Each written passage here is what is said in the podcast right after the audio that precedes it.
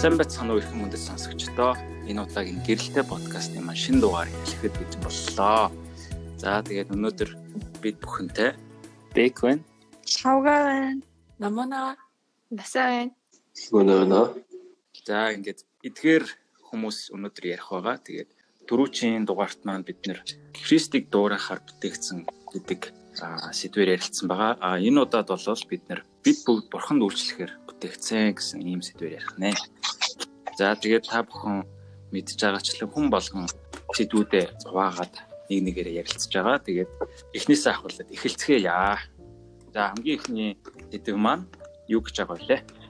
За 29 сэдвийн хувьд болохоор өөртөө өгсөн өөрөг даалгаврыг хүлээн авах гэсэн сэдвтэйсэн. За ихшлийн хувьд болохоор хий гэж надад даатгсан ажлыг тань гүйцэтгэн би түүнийг газар дээр алдаршуулв буюу Йохан 17-гийн 4-дээр хэлсэн ишлэлийг тэмдэглэсэн байсан. За тэгээд энэ хэсэг дээр болохоор энэ дэлхийд бид буюу хүн төрлөختөн хувь нэмэр оруулахаар нөлөөлөхөөр өөрчлөлт авчрахаар бүтээгдсэн. За тэгээд энэ дэлхийгээс ямар нэгэн материалын зүйлс эсвэл өөр ямар нэгэн юу ч бай авахгүйж биш. Харин өөрсдийн үйлчлэл дуудлагын дагуу бусдад өгөхөөр бурхан биднийг бүтээсэн. Тэр энэ нь бидний одоо энэ номны маань дөрөвдөг шалтгаан байгаа байхгүй юу? За тэгээд энийгээ бүр дэлгэрэнгүй ингээд Библиэл дээр юу гэж нэгтгэж бичсэн байсан бэ гэхээр учир нь бид сайн улсын төлөө Христ Есүс дотор бүтээгдсэн. Түүний бүтээл нь мөн мөн бурхан биднийг тэдгэрийн дотор яваасаа гэж урдаас бэлтгэсэн бэлээ буюу Эфес 2:10 дээр тэгж хэлсэн байсан. За тэгээд энэ дээр хэлж байгаа сайн үйлс буюу good deeds гэдэг нь бидний энэ дэлхийд хийх өгөх тэр үйлчлэлийг хэлж байгаа.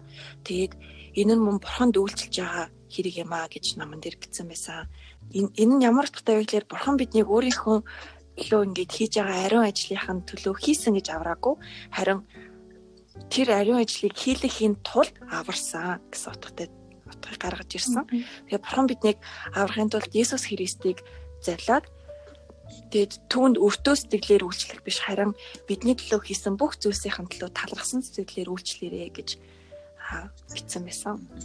За тэгээд Үнэхээр аврагдсан хүний сэтгэл бусдыг бусдад үйлчлэхийн төлөө байдаг. Олон хүмүүс ер нь бол үйлчлэл гэдгийг чуулганд номлогч эсвэл ингээд магтаалаар үйлчлэх юм эсвэл хүүхдийн цуглаанд багшлах гэж ойлгодог. Тэгээд тэр нь тийм биш. Хэрвээ та Христ итгэгч мөн л энэ дэлхийд цагийг дэмий өнгөрөөж өнгөрөх гэж байгаад өнгөрөөж байгаад яваасаа гэж юусоо бурхан хүсээгүй бид бусдад үйлчлэхээр аврагцсан гэдгийг сануулсан байсан. Тэгээд яаж хэрхэн үйлчлэхийг бурхан өөрөө заадаг гэсэн. За тэгээд дараагийн хэсэгт нь болохоор бид бурханд үйлчлэхээр дуудагдсан. Өмнөх нь болохоор аврахаар дуудагдсан байхгүй юу? Одоо болохоор үйлчлэхээр дуудагдсан. За тэгээд Христ итгэгч итгэгчд итгэлийн амьдралыг ингээд өсөх явцдаа бурхны дуудлагыг хүлээж авсан гэж боддтой байна л да яг үндэ Библиэл дээр бол бүх итгэгч хүмүүс өөрсдийн ямар нэгэн үйлчлэл дуудагдсан байдаг гэж байсан. Тэгээ авралын дуудлагад авралын авралын дуудлагыг хүлээж авах үед дагаад үйлчлэлийн дуудлага нь ч гэсэн ирдэг. Тэр зүйл нь хамт багтаж явдаг гэж бичсэн байсан. Тэгээ Бурханаас бидэнд өгсөн чадвараар бид бусдад үйлчлэх үед а биднийг Бурхан биднийг Бурхан дуудсан тэр зарилга нь биелж байдаг бид цуглаанд явханд боддоор бусад итгэгчдэд үйлчлэхээс гадна мөн Христийн биеийг бүрэлдүүлж байгаагийн явдлаа гэж байсан. За тэгээд учир нь хүн бүр өөр өөрсдийн мөн чанартай тийм үү өөр өөрсдийн хүлээс үүрэгтэй. Тэгэхээр тэнд ямар нэгэн чухал биш эсвэл онцгой биш гэсэн ойлголт байхгүй бүгд адилхан чухал бүгд адилхан онцгой. За дараагийн хэсэгт нь болохоор бурханд үйлчлэхийн тулд биднийг бидэнд тушаасан гэсэн Тэр Христ итгэгч хүний хувьд үйлчлэл нь одоо завтаа үедээ хийдэг ажил эсвэл ямар нэгэн зүйл биш ээ. Үйлчлэл нь Христ итгэгч хүний амьдралын гол цөмөн шүү гэж бичсэн байсан. За тэгээд Есүс энэ дэлхийд өөрөө эрэхтэй үйлчилж мөн өгөхөр ирсэн. Тиймээс бид бүтээгдсэн бид ч гэсэн энэ хоёр үйлдэлийг амьдралдаа байлгах нь бидний амьдралын дөрөв дэх зорилгоо суралцж байгаа дөрөв дэх зорилго. За тэгээд бид бид суралцаж өсөж одоо ингээ бүр том болохын тулд бус харин өвдөхийн тулд өсөж суралцдаг аа гэсэн байсан.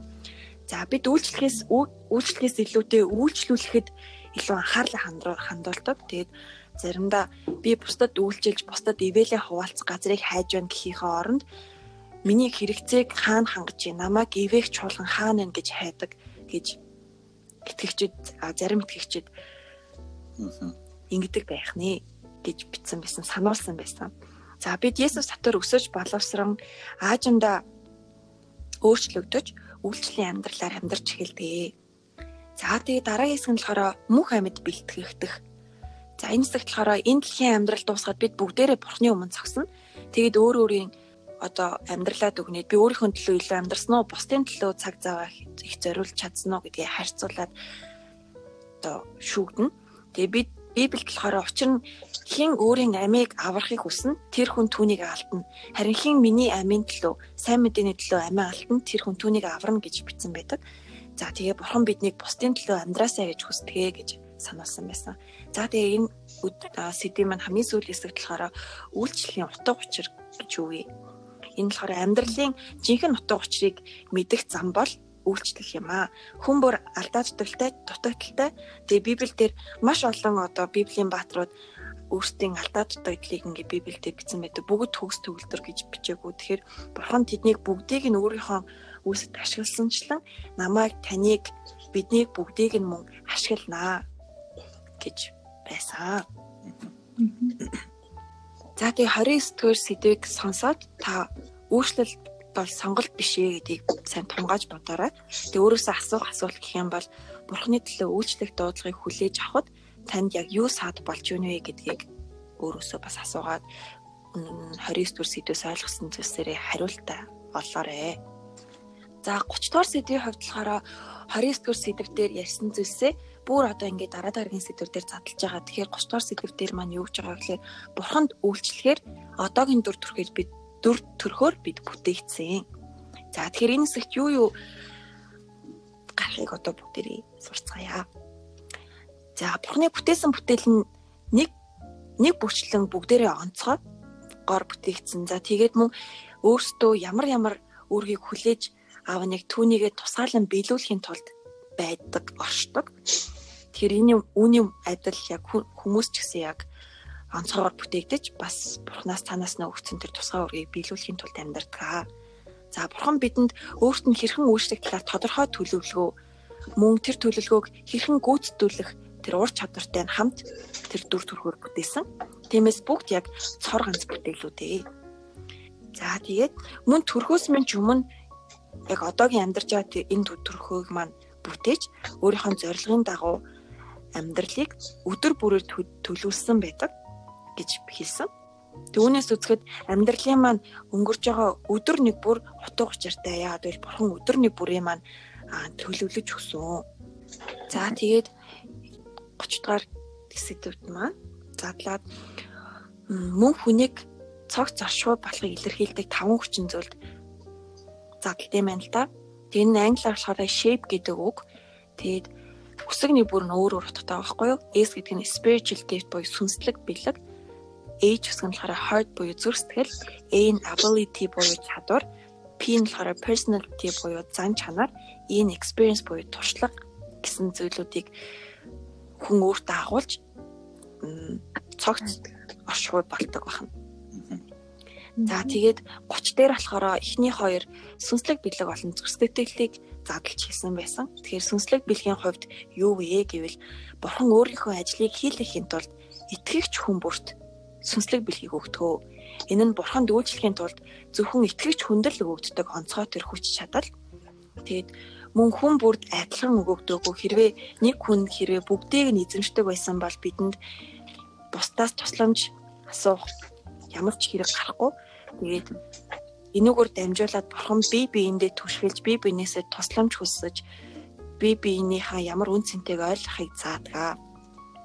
За тэгээд сүнслэг бэлгээр бэлэг бидэнд өгөгдснөөр хоёр дагаад хоёр асуудал ер нь бол чуулганд итгэгч хүмүүсийн донд үүсдэг юм байна л да. Тэр нь ямар асуудал вэ гэхээр нэгт нь бурхнаас ирсэн бэлэгт сэтгэл хангалуун бус байдаг.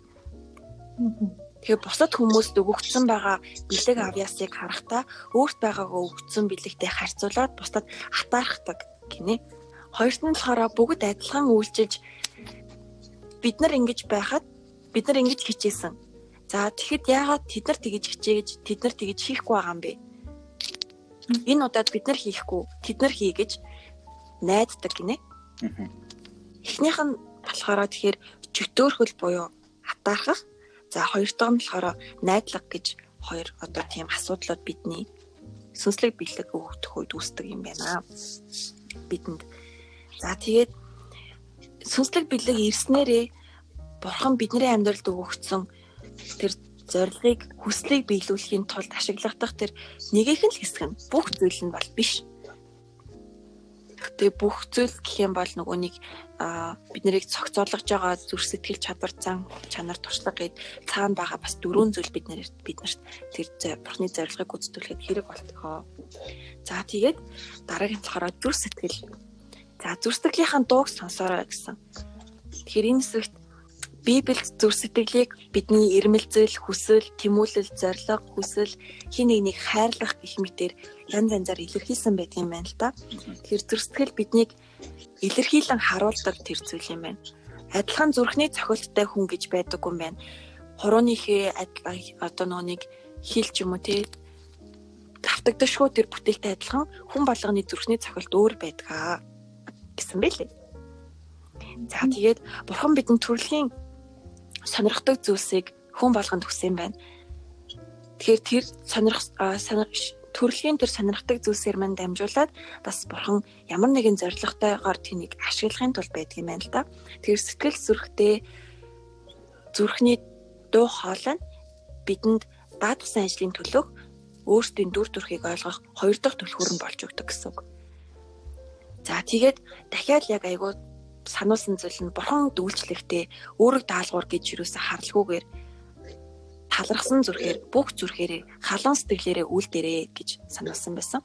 За тэгвэл яаж бүх зүрхээрээ бурхан дүүлчлэж байгаагаа мэдэх вэ гэсэн чинь хоёр аргыг одоо хоёр зүйлийг бидэнд заасаа. Ихтгэн болохоор хичээл сэтгэлтэй байд юм байна. Бүх зүрхээрээ үйлчилж байгаа үед биднээс хичээл сэтгэл гардаг юм байна. Ямар нэгэн тулгарж байгаа бүхэл асуудал шантралгүйгээр зогсолтгүйгээр хичээл зүтгэлтэй байснаар а бүх зүрхээрээ бурханд үлчиж байгаа мэдэх боломжтой. Энэ нь бас нэг талаараа ажил ажил дээр ч юм уу те бид үнэхээр тэр одоо бүх зүрхээрээ хайрлаж байгаагаараа хийж байгаа зүйлс дээр илэрдэг зүйл юм байна. За хоёрт нь болохоор үр бүтээмж гардаг гинэ. Бүх зүрхээрээ үйлдэх үед маш сайн хийдэг. Тэгээд эргээгээд маш үр бүтээмжтэй байдгаа гэсэн байсан. За тэгээд төгсгөлд нь болохоор эд баялагын төлөө дургу зүйлээ битгий хийгэрээ. Мөнгөгүй байсан ч гэсэн ямар ч асуудалгүй бурхан яг хамгийн туртай зүйлээ хийгээд амьдарч байгаа тэр амьдралаар чинь дамжуулаад таны гайхалтайгаар хангах болно гэсэн байсан.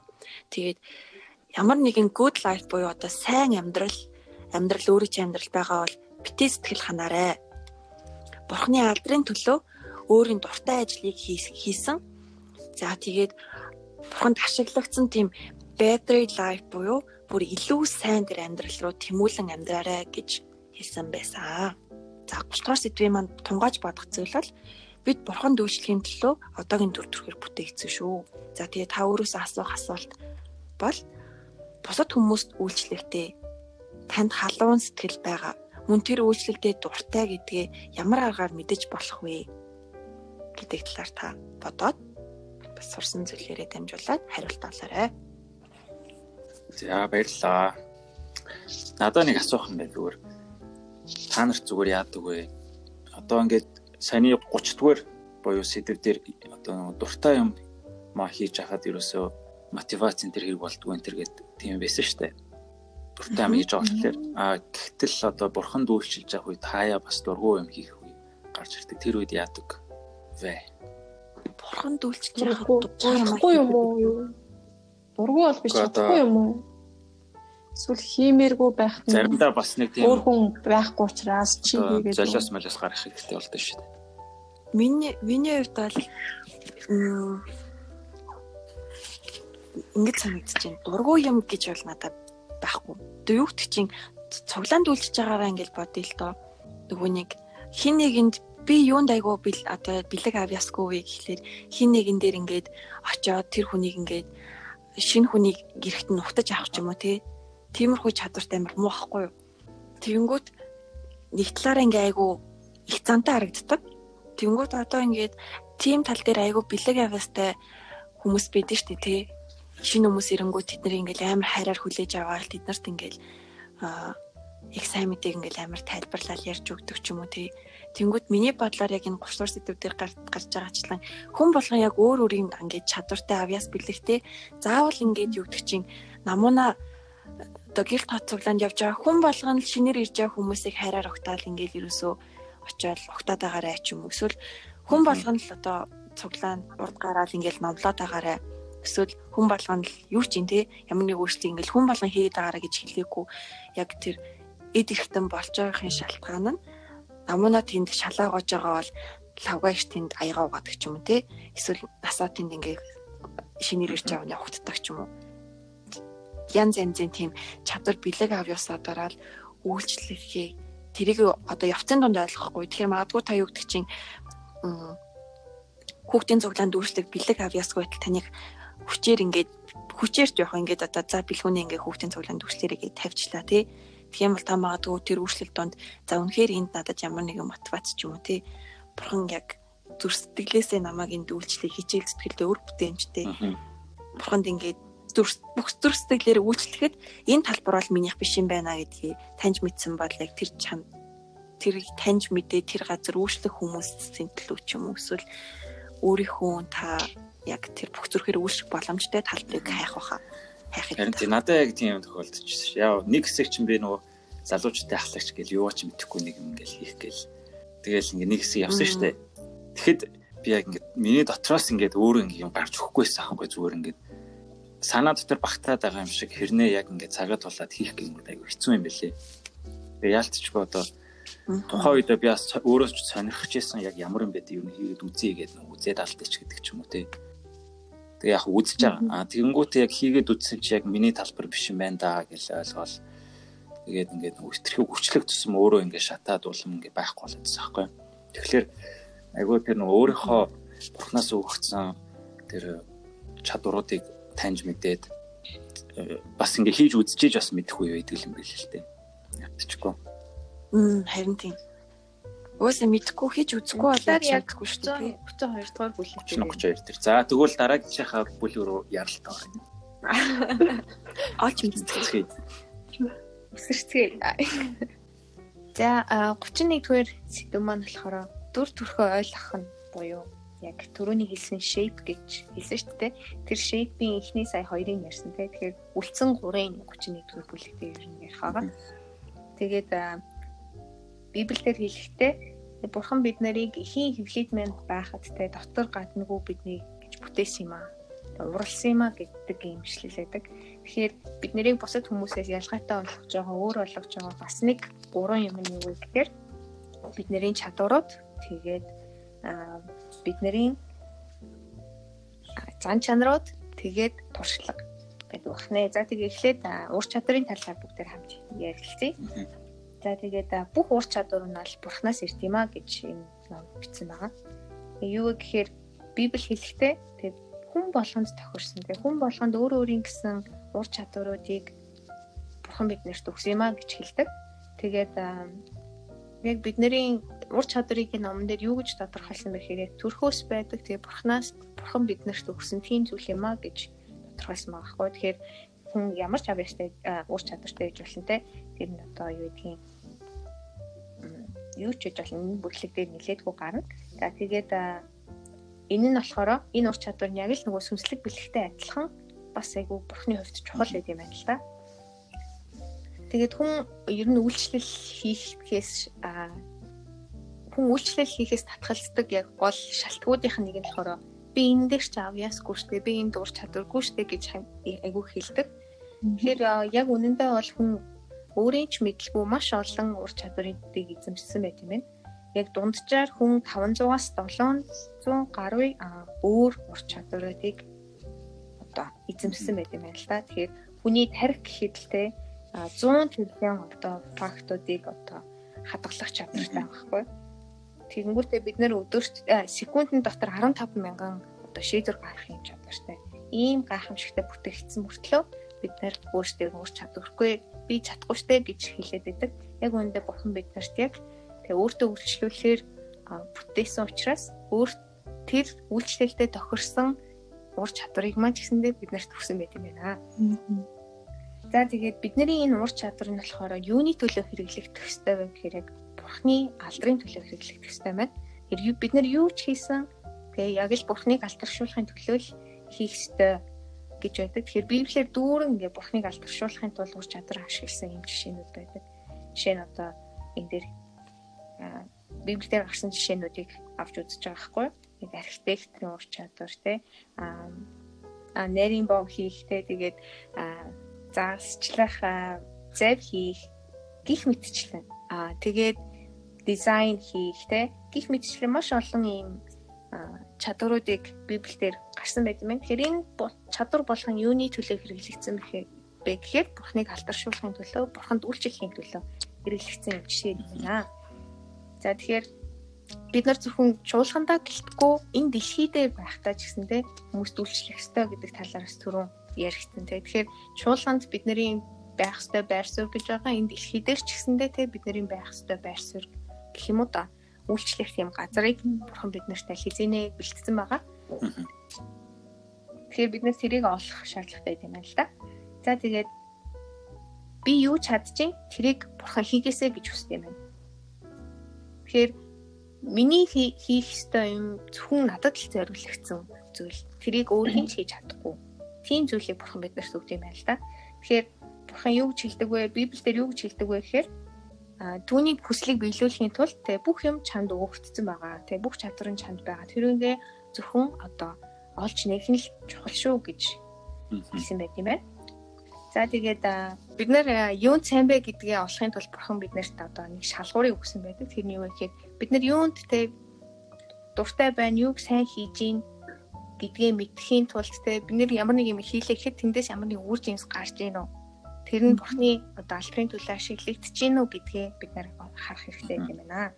Тэгэхээр бурхан хизээч те ямар нэгэн ур чадвар ингээд дэмий үрэгдээсээ дэмий хаягдаасаа гэж хүсдэггүй. Тийм болохоор бид нэр өөрсдийн надад надад юу өгсөн байна вэ гэдгийг олж нэхэр айгуу чухал гэдэг юм байна. За тэгээ дараагийнхын бид нарыг бусдаас өөр болгодог зүйл нь юу вэ гэхээр бидний зан чанар. Тэгэхээр энэ зан чанар бид нэр өөр байгаа нь зөв шинжлэх ухаанаар батлагдсан зүйл шүү дээ. ДНХ хүн болгоны ДНК-гийн мэдээлэл өөр. Тэгээд тэд нэр ингээд хоорондоо ингээд аав ээж нарын маань ДНК холилдоод бид нэрх гарч ирж байгаа шүү дээ тий. Тэгэхээр тэр ДНК-гийн мэдээлэл хоорондоо бүр 10-аас 2 2 тэрбум 400 сая хүртэлх хэмжээгээр өөр өөр одоо нэгддэм байна. Тэгэхээр хүн болгон өөр байх магадлал маш өндөр байхгүй. Тэгэхээр бурхан угаасаа хүнийг бүтээхдээ те өөр зан чанартай байхаар бүтээгдсэн учраас тэр хүнээр дамжуул хийх ажил нь ч гэсэн өөр юм байна л да. Тэгээд тэр хэмжээгээрээ чуулган ч гэсэндээ те чуулганд өөр өөр зан чанартай хүмүүс байдаг нь ч гэсэндээ тэр чуулган яг амттай гоё болохын тулд тэгээ бид нэр хүн болгоно өөр зан чанартай байдаг байна. Тэгээ жуулганд байж байгаа хүмүүс бүгдээрээ нэг зан чанартай байх юм бол айгүй утгартай тий эсвэл дэлхий дээр амьдардаг бүх хүмүүсийг адилхан зан чанартай адилхан юмд дуртай байдаг гэсэн бол маш урдгартай байх байсан. Тийм учраас бид нэр бүгдээрээ өөр учраас бүгдээрээ өөр өөр хэм маягаар бурханд алтаршуулдаг юм байна. За тэгээд зан чанар нь болохоор юунд нөлөөлдөг вэ гэхээр бид нэр хаана болон яаж энэ одоо сүнслэг бэлгүүд болон авьяас чадваруудаа ашиглах вэ гэдэгт нөлөөлт юм байна. Жишээ нь одоо хоёр хүн адилхан одоо сайн мэдээ тараах авьяас ур чадвартай spiritual gift авсан байлаа гэж бодъё л та тий сүнслэг бэлэг авьяас авсан. Тэнгүү тэр хоёр хүн хоёулаа өөр өөр зан чанартай байх юм бол нэг нь одоо илүү гадагшаа чиглэсэн extrovert те нөгөөх нь илүү дотгошоо чиглэсэн introvert байх юм бол тэр хоёр хүнээс гарч байгаа арга замууд нь болохоор өөрөө тийм ээ. Нэг нь extrovert хүн нь арай өөр арга замаар нөгөөх нь арай өөр арга замаар энэ бэлгээ бэлэг авьяасаа одоо гаргаж хэрэгжүүлт юм байна. Тэгээд Библиэс харах юм бол ч гэсэндээ Есүсийн 12 дагалдагч нь 12 өөр зан гарan шиг байсан. Өөр темпераментийн хүмүүс байдаг байсан. Тэгэхээр бурхан энүүгээр энэ Библиэлд гарсан энэ жишээгээр дамжуулаад бас бид нар үнэхээр өөр ахын зүгээр юм аа. Тэгээ бид нар өөр өөр цаан чанартай ахын үнэхээр бурханы хүсэл хүсдэг зүйл юм аа гэдгийг харуулахыг хүсжээ. За тэгээд дараагийн бид нэр амьдралыг өөр болгодог зүйл маань юу вэ гэх юм бол бидний туршлага.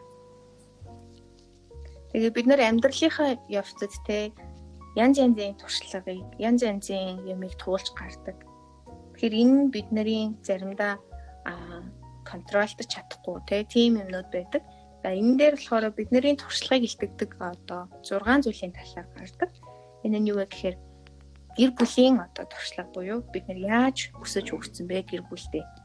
Дараа нь болохоор бидний боловсролын туршлага буюу тэгээ бид нар ямар хичээлдээ илүү сайн байсан ч юм уу эсвэл бид нар ямар ямар одоо сургууль сурж явсан те гэдэг юм.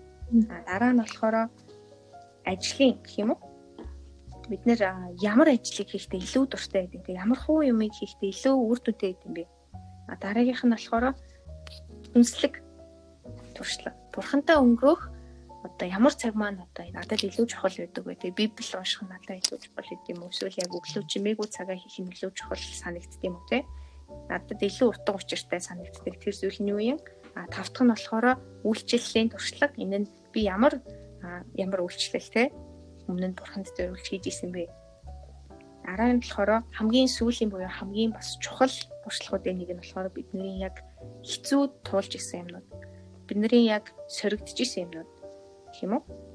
Тэр нь болохоор бидний тохиолж исэн асуудлууд, хэцүү байсан юмнууд тэндээсээ бид нэр юу сурсан бэ гэдэг ийм туршлага тийм ээ. Тэгэхээр саяны хэлсэн энэ яг өвдөлттэй хэцүү энэ туршлагууд нь болохоор бид нарыг илүү их үйлчлэлд манд бэлдэж өгдөг зүйлүүд юм байна л да. Тэгэхээр бурхан зүгээр нэг хүмүүсийг өвтгөөд байхыг хүсдэггүй. Зүгээр нэг л ийм бид нарт ийм туршлага амсуулаад авахыг хүсдэггүй. Энүүгээрээ дамжуулт энэ хүн юу сурах нь вэ? Энэ сурсан зүйлээрээ бусдад яаж үйлчлэх вэ гэдгийг одоо харуулахын тулд гэх юм уу? Тэхийн тулд бид нар энэ өвдөлтийг ашигладаг. Тэрнээс бол зүгээр л энэ хүнийг оо энийг одоо ингээ сайхан аз жаргалтай хэд хоног явчлаа. Одоо нэг жоохон өвтгөвтлээ те гэдэг зүйлээр хийж ашигладаг байх нэ. Одоо жишээ нь нэглээ энэ дээр бас битсэн байгаа жишээгээр болохоор те арх уудаг байсан хүн одоо архинаас гарах гэж байгаа хүмүүст тэг илүү сайн зөвлөж чаднаа, илүү сайн те үйлчилж чаднаа. Эсвэл одоо гэр бүлээсээ салсан хүн ч юм уу эсвэл нөхөр нь одоо те гэр бүлийн араар харилцаа үүсгэсэн Тэгээ тэрнээс болоод өвдөжсэн хүн буцаад өөр яг өөртөө адилхан хүмүүстэй илүү сайн зөвлөж чаднаа, тусалж чаднаа гэдэг ийм санааг хэлж байгаа юм л да. Хэрвээ та бурханд тэ үйлчлэе гэж хүсэж байгаа бол нэг чухал гол зүйлийг ойлгох хэрэгтэй. Тэр нь юу вэ гэхээр бидний хамгийн их мартахыг хүсэж байгаа. Эсвэл хамгийн их харамсаж байгаа. Эсвэл хамгийн их айж исэн. Тэгээ тэр туршлагууд бид нарыг ер нь юунд үйлчлэх вэ? Хаана үйлчлэх вэ гэдгийг маань зааж өгдөг гол юм маа гэдгийг хэлсэн байгаа.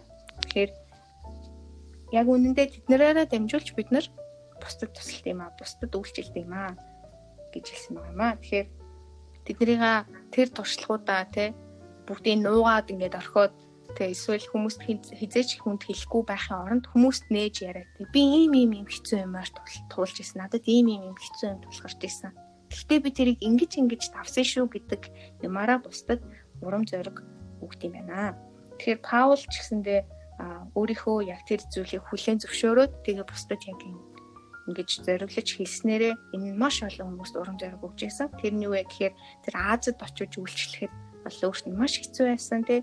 Тэнд бид нэр бараг л өхөө шахаж зодуулж зохиулж хүмүүст тэгж дарамтлуулж исэн. Гэхдээ бид нэр өсөж даарч те тийм явж исэн ч гэсэндээ бурхан бид нарыг ингэж ингэж тусалсан шүү. Ингэж ингэж бид нарыг үйлчлсэн шүү гэдэг энэ зүйлээ хуваалцсанараа одоо үйлчлэгч хүмүүс бусад сайн мэдээ тараагч хүмүүс ч юм уу маш олон маш тийм урам зориг өгсөн тийм зүйл болж ижээ. Нэг хүн ингэж хэлсэн байгаа байхгүй юу? Тэр нь юу вэ гэхээр туршлага гэдэг бол те танд тохиолдсон зүйлийн талаар ярьдаг юм аа.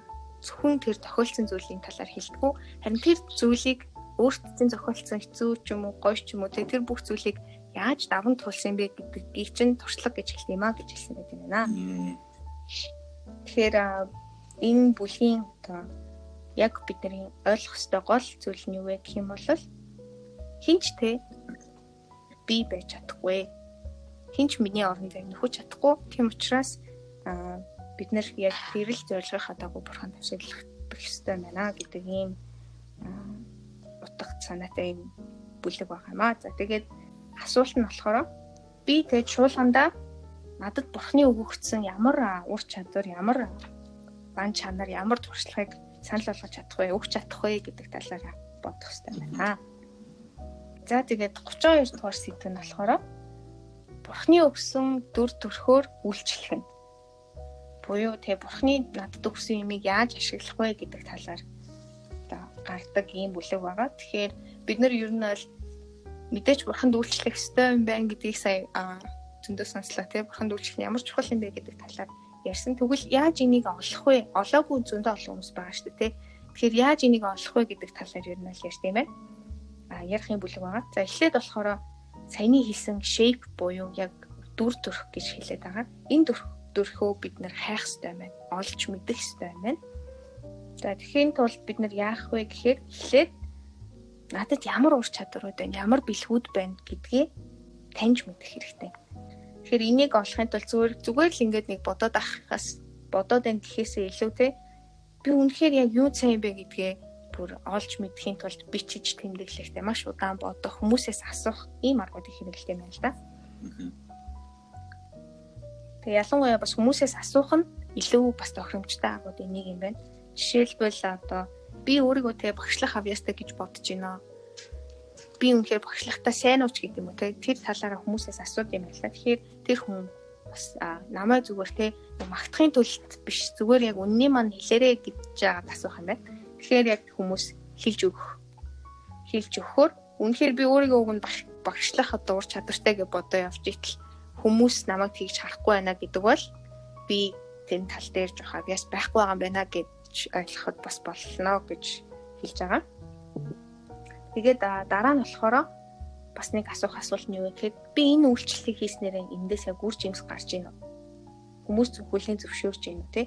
Энэ үйлчлэлийг хийснээрээ энэ одоо амжилттай байна уу гэдгээ бас асууж харах нь чухал юм байна. Тэгээд бас хамгийн чухал нь юу вэ гэх юм бол тэгээ энэ зүгээр л нэг ингээд бодоод тунгаагаад хүмүүсээс асуугаад ах гэхээс илүү хийж үцэх нь хамгийн одоо зөв болохмуудын нэг юм байна. Тэгэхээр хүн ер нь бол тэгээ яаж ч ботсон, яаж ч одоо хийж ин гэж төсөлсөн хийснээс одоо шал өөр тийм үр дүн гарна. Тэгэхээр бид нэр оролдож үзээд энэ надад ямар байх нь те энийг хийгээд үзвэл ямар байх нь гэдгээ туршиж үзэхээр тэгээ яг хийгээд үзэнгүүт яг гол юмнууд нь гараад ирнэ. Тэгэхээр би үнэхээр чадчихэв үү чадахгүй байна уу? Тэгээ надад туршлага дутчихэв үү дутахгүй байна уу те? Эсвэл би энэ дээр ингээд айгүй гой зүр сэтгэл маань хөдөлж гэнэ хөдөлөхгүй байна уу гэдэг бүх юмнууд маань гараад ирж юм байна. Тэгэхээр бид би цуглаанд шинээр ирж байгаа ч гэдэг юм уу эсвэл би мэдхгүй штэ гэдэг шалтгаанаар хойш суух биш. Тэгээ би хийж үзье. Тэгээд үнэхээр энэ надаа зөв байна уу, буруу байна уу гэдгийг таньж мэдэх хамгийн гол зүйл нь болохоор шууд хийж үзэх юм байна шүү. Тэгээд хийж үзээд эхлэнгүүт те бидний мэдхгүй байсан авьяас чадварууд те бидний мэдхгүй байсан ур чадварууд гарч эхэлдэг юм байна л да. Тэгээд тэднэрээ илүү таньж мэддэг юм байна бид нар уг нь түрүүн түрүүний сэдв дээр бас ярьсан. Тэгээ бид нар ур чадваруудаа таньж мэдээ гэж ярьсан. Тэгэхээр ур чадвараа таньж мэдэх хамгийн бол хамгийн сайн арга бол юу вэ гэхээр зүгээр хийж үзэх юм байна. Тэгэхээр шууд тэгээ сайн дураараа хийж үзээрэй гэдэг юм арга. За дараагийнх нь болохоор миний зүрх болон зан чанар маань ямар вэ гэдгийг бас бодож үзэх юм байна. Тэгэхээр юунд илүү би дуртай байна вэ? Тэ юуг хийвэл би илүү амьд юм шиг мэдэрч байна Эсвэл юу хийвэл те би нөгөө нэг цаг хугацаа өнгөрснээ ч мэдгүй айгүй хурдан өнгөрчихөж ийн вэ гэдгийг бас бодож үзэх юм бол бид нэр юунд илүү юу хаана үлчлэх вэ гэдэг маань бас гарч ирэх боломжтой байна. За тэгээд сурсан одоо түрүүн хэлсэн те туршлагаасаа сурсан зүйлүүдээ бас бодох хэрэгтэй мэн. Тэгэхээр амьдралынхаа одоо те би юу хийж ийлаа, юун дээр алдчихлаа, тэндээсээ би юу сурч ийлаа гэдгийг бараг л ингээд 7 хоногийн одоо юм сургалт шиг юм гэх юм уу өөрөө ингэ боддог тийм цаг гаргаад тэгээ бодож үзэх юм бол те би юун дээр үнэхээр өөрийнхөө талаар аягүй их олон юм мэдэх боломжтой тийм ээ. Тэгэхээр эндээс бас нэг санаа гарч ирж байгаа нь бид нэр өөрт туулж байгаа юмнуудаа бас ингэ бичиж тэмдэглэх тийм тэрийг болохоор юу гэж энэ дээр нэрлэж байна вэ гэхээр spiritual journal буюу тийм сүнслэг одоо журнал гэх юм уу? Тэмдэглэл гэх юм уу? Тэн дээрээ би ийм ийм ийм өнөөдөр одоо бурхан надад хэллээч гэдэг юм те. Тэгээ тэндээсээ би ийм сурлаа гэдэг юм аа бичиж тэмдэглээд үлдчих юм бол дараа нь бид нөгөө нэг тэрийг хараад өө би нэр ийм сурч ирсэн шүү дээ ийм байсан шүү дээ гэдэг юм айгүй их сурд юм байна л да. Тэгэхээр энэ дээр юу гэж хэлсэн байна вэ гэхээр тэгээ юу ч сураагүй тэр өвдөлттэй юу ч сураагүй алдаа бол зүгээр л баг хог юм аа гэж бичсэн байгаа байхгүй. Тэгэхээр бид нар бас алдаануудаа ч гэсэндээ тэмдэглэх нь алдаануудаа бас бодох нь бол бас их чухал байдаг байна. Аа тэгээд Библиэлд Есүс шавнарынхаа нөгөө хүлийг угаадаг гэсэн гардаг шүү дээ. Тэгэхээр тэрэн дээр юу гэж байдаг вэ гэхээр Есүс юу шавнартаа тэгээ та нар одоо ойлгохгүй гэхдээ та нар дараа нь ойлгоно гэж хэлсэн байдаг. Тэгэхээр бид нар яг ямар нэгэн хэцүү зүйлийг туулж авах явцтай юм уу? Тэгээ яг хэцүү нөхцөл байдалд байх үедээ энүүгээр дамжуулж бурхан юу хийх гээд байна вэ гэдгийг тэр үедээ ойлгодгүй. Гэхдээ дараа нь ойлгодог шүү дээ. Аа ингэгээл ингээд намайг ийм хэцүү замаар явуулаад исэн юм. Ийм юм сурах гал явуулаад исэн юм байна гэдгийг дараа нь ойлгодог. Тэгэхээр бидний туулж байгаа те хэцүү юм болгон ямар нэг учир шалтгаантай болоод бас байгаа байна гэдгийг бас ойлгох хэрэгтэй. За тэгээд за shape олчлоо гэж үү те дүр төрхөө олчлоо. Энийг олцсон бол одоо яах вэ гэхээр тэрийгэ хүлээж аваад эндээ баяртай байх хэрэгтэй. Тэгэхээр бид нарыг бид нар ч юм яг үнэндээ өөрсдийнхөө ямар хүн бэ гэдгийг мэдтгүү штэ заримдаа тий. Тэгэхээр та бурхан бол бид нарыг яг ямар вэ? Юунд илүү сайн бэ? Надад илүү юунд сайн байх вэ гэдгийг бурхан илүү сайн мэдж байгаа.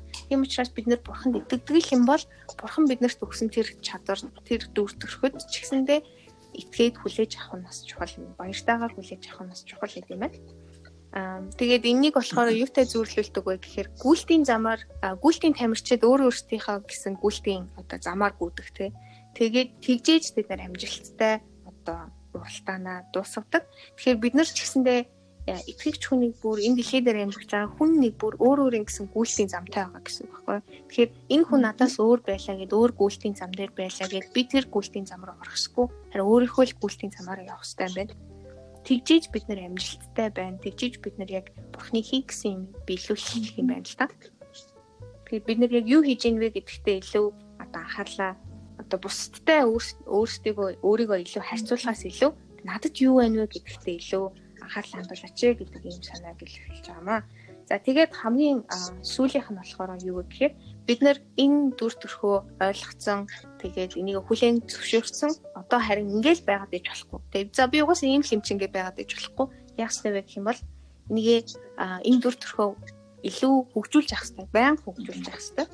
Тэгэхээр энэ дээр нөгөө нэг гурван одоо нөгөө талантын сургаалт зүйлийн талаар ярьж байгаа.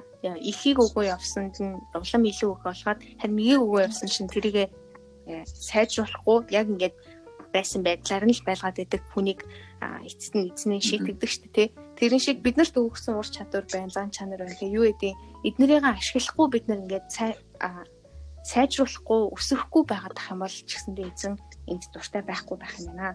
Тэгэхээр бид нар илүү одоо үйлчлэлээ хийж байгаа юм а илүү сайжруулах гэж бодож ивэл те үргэлж бид нар өөрсдийгөө хөгжүүлж авах хэрэгтэй зан чанаруудаа ч гэсэндээ те би ингэж ингэж өөрийгөө сайжруулъя зан чанараа ингэж өөрчлөе те. Ийм муухай зан чанар хам бол илүү сайжруулъя ч гэх юм эсвэл ийм чадахгүй ур чадвар ах юм бол тэрийг улам илүү сайжруулъя те. Хүн болгон анханасаа эхлэхдээ бүгдэнд нь сайн байна гэж байхгүй шүү дээ те. Тэгэхээр баг байсан бол тэрийг улам илүү сайжруулъя гэдэг ийм санааг илэрхийлж байгаамаа за тэгээд энэ дээр болохоор надад бас нэг илүү сонирхолтой гэх юм уу санагдсан юм нь юу гэхээр бид нар энэ дэлхий дээр тэр бурханд үйлчилж гин гэдэг нь ирээдүйд бид нэр мөнхөд эзэнд үйлчлэхийн тулд бэлтгэгдэж байгаа юм шат юм шүү гэж хэлсэн байгаа байхгүй. Тэгэхээр бид нэр одоо энэ дэлхий дээр байгаа те илүү жоохон юм бэлтгэл үе шат дээр байгаа. Ингээл болоо биш. Дахиад бид нэр үргэлжлүүлээд мөнхийн мөнхөд бурхантай хамт байна. Мөнхийн мөнхөд бурхандаа үйлчлэн те. Тэр үедээ бид нэр өөрсдийгөө бэлтгэж байгаа юм уу юм шүү гэж харах юм бол илүү одоо өөрсдийгөө хөгжүүлэхэд илүү сайжруулахад ч гэсэн анхаарлаа бас хандуулах байхаа гэж бодож байна. За тэгээд энэ бүлгийн маань яг бодож тунгаах гол зүйл нь юу вэ гэх юм бол бурхан биднээс те хамгийн сайныг нь авах зохистой эзэн учраас бид нар өөрсдөө хамгийн сайныг зориулъя гэдэг ийм санааг илэрхийлж байгаа. Тэгээд өөрөөсөө асуух асуулт маань юу вэ гэхээр бурхан надад өгсөн зүйлийг хэрхэн бид нар дээд зэргээр ашиглаж чадах вэ гэдэг ийм асуулт байна. За маш чухал чухал ерөн сэдвүүд яригдчих шүү те. Ер нь анх сүмд явж эхлээл яг анх одоо итгэвч болоод яах гэж сүмд явдгийг гэдэг тэр уучраач ойлгоогүй байхад би одоо тэнчнээс юу авч болох вэ гэдэг өөр өөртөө юм авах гэж наалдуулах гэж л юм явдаг байсан гэж санагдаж байна надад. Тэгээд ер нь бол өөрийгөө олох, өөрийнхөө тэр талант чадваруудыг олох Тэгэл одоо бусдад үйлчлэх, тэгэл тэр нөгөө нэг бурхнаас ирсэн тэр дуудлага тэр юмнуудаа сүмд явж ижил ер нь мэдчихэж байгаа байхгүй. Тэгээ хэрвээ сүмд явахгүй гэртээ суугаал аа ямар нэгэн тэр сүмслэг орчинд очихгүй болвол энэ бүхнийг мэдэх боломжгүй юм. Ер нь бол би ч гэсэн тэгээд нөгөө заримдаа сүмд явахгүй болчих үе байна. Тэр үеүүдэд ингээл яг энэ тэр үеийг одоо ингээд яг ингээд сүм сүмдээ яваад үйлчлээд одоо тэр тур ямар нэг одоо нэг үйлчлэлийг туршаад тэрэндээ фейлдээд тэгээд тэр бүхнээс олсон мэдлэг туршлага энэ бүгдийг ингээ хараад үзэхэд бол амар том ялгаа байхгүй яг сүмд явсан яваагүй хоёрын. Тэгэхээр сүмд явах нь ямар чухал вэ? Тэгээд тэр сүнслэг хүмүүстэй уулзаж ярилцаж санал бодлоо хуваалцах пастрийнхаа номлолыг сонсох нь ямар чухал вэ гэдэг бол ойлгомжтой байгаа хаа гэж бодож байна. За, итгэмжил зарцын үйлдэл. За, энэ маань ерөөхдөө бол юу гэсэн үг вэ? Тэгэхээр бид нэр а бусдад үйлснээр яг энэ маань бурханд үйлчлэж байна гэсэн үг байна. За энэ дээр болохоор ингээд нэг ишлэг байхгүй юу? Хэн та нарын дунд агуу болохыг хүснэ тэр хүн та нарын зарц болгоо гэд Марк 10:43 дээр хэлсэн байгаа. Маань болохоор юу зүг вэ гэхээр бид нэр ингээл энэ дэлхий дээр энэ дэлхий чинь ингээл яг хамгийн одоо том зүйлүүд нь мөнгө өрч үлээ. Нэр алдар. Ирэх мэдл. Тийм нэр алдар малдар гэл зөндөө зүйлүүдээр тодорхойлдог шүү дээ. Аа харин Есүс болохоор яг яг үйлчлэлээр үйлчлэлээр хэмждэг байгаа байхгүй юу. Тэгээд тэгээд яг яг хүмүүсийн хувьд яг үйлчлэл ингээл гингүүт ингээл байнгын байдаг зүйл ч юм уу ингээл мөнхийн холбоотой байдаг зүйл шиг бас бодогддог л доо. А итгэж хүмүүс ингээл ерөөхдөө байнга сайн ингээл үйлдэл хийдэг авшаа сайн зүйл хийдэг ингээл хүмүүст байнга тусалж үйлчилдэг шүү дээ. Ерөнхийдөө. Тэгээд энэ маань болохоор яг ямар сэтгэл зүрхээр яг үйлчилж байна гэдэг нь болохоор нэлээд чухал байхгүй. Тэгээд бас яг зарцын сэтгэлээр үйлчилж гин үү эсвэл өөр ямар нэгэн сэтгэлээр яг итгэж хүмүүс үйлчилж байна гэдэг болохоор яг бурхан яг хардаг байгаа. Тэгээд яг ерөн бол яг энд Иесусыг зарц шиг үйлчлэхийг их сайнаар их хайрладаг, их сайнаар хүлээж авдаг байгаа зарчиг үйлдэлхийг. Тэгээд ерөнхийдөө бол их хүмүүс ингээл зарчмарч байх. Би бол зарчих дургуул тээ. Дургуул шүү дээ ерөн хүмүүс. Хүний дор орох баймааргүй ерөн ингээл босс баймар ч юм уу ингээл дарга марга байхыг хүсдэг. Тэгээд итгэж гэсэндээ хүмүүст болохоор яг энэ асуудлыг тулгардаг байгаа байхгүй юу? Гэхдээ яг ингээд бид нэр яг яг Иесустэй адил яг зарц байх хэрэгтэй. Энэ дээр болохоор яг биш Библиэлд болохоор Есүс яг би өөрийгөө зарцыг би Бурхны зарц юм аа гэсэн байгаа. Тэгэхээр бид нар гэсэндээ Есүсийн зарц, Бурхны зарц байх хэрэгтэй. Энд болохоор яг ингээ бид яг өөрсдийн дүр төрхийг мэдэж Бурханд үйлчлэх нь чухал боловч хамгийн чухал нь зарцын сэтгэлтэй байх хэрэгтэй юм аа. юу? Аа. Яг ингээд хамгийн гол нэг зарцын сэтгэлтэй үйлчлэх хэрэгтэй. Энэ энэ болохоор яг хамгийн том зүйл гэж хэлсэн байгаа яг үйлчлэл тундаа. Тэгээд яг ингээд энд дүр төрх бидний үйлчлэлийг харуулдаг бол зарцын сэтгэл бидний итгэлийн өсөлтийг харуулдаг гэж байгаа байхгүй. Тэгээд энэ маань юу гэсэн үг вэ гэхээр яг ингээд зарцхан яаж үйлчлэн яг тэг амар хэцүү шүү дээ зарцж ингээл бүр ингээл бодоход амар хэцүү үстэй. Тийм хэцүү зүйлийг дагаад яг бидний яг ихтгэл харагдаж байгаа байхгүй юу. Тэгээ зарчиг хэрэг тууштай удаан үйлчлэн яг тэрийгээ дагаад ирээдүйд бид нэр бурхнаас тийм том шагнал авах байгаа байхгүй. За тэгээд энд болохоор яг зарцын итгэмжит зарцын дүр төрхийг харуулсан 6 одоо хандлага гэх юм уу. 6 цан чанар нохрохоо юм байгаа. Ингээд та бүхэн яг ярьцгаая л та. Ойлголцъя бүгдээрээ мэдцгээе. Нэг болохоор ингээд итгэмжит зарц өөрийгөө үйлс зөвхөн зориулдаг гэж байгаа байхгүй юу? За ерөөдөө зарц гэдэг хүн чинь тэгэл ямар нэг ажлын ингээл мөнхийн хийгээд ямар нэг ажилд бэлэн байждаг чи тэрийг хий тэрийг авчирг мөхтийг ямар нэг шалтгаан тоохгүй шууд ингээл бүгд ингээ хийдэж штэ ерөнхийдөө ийм нэг л зарц гэж бид нар ойлгодог.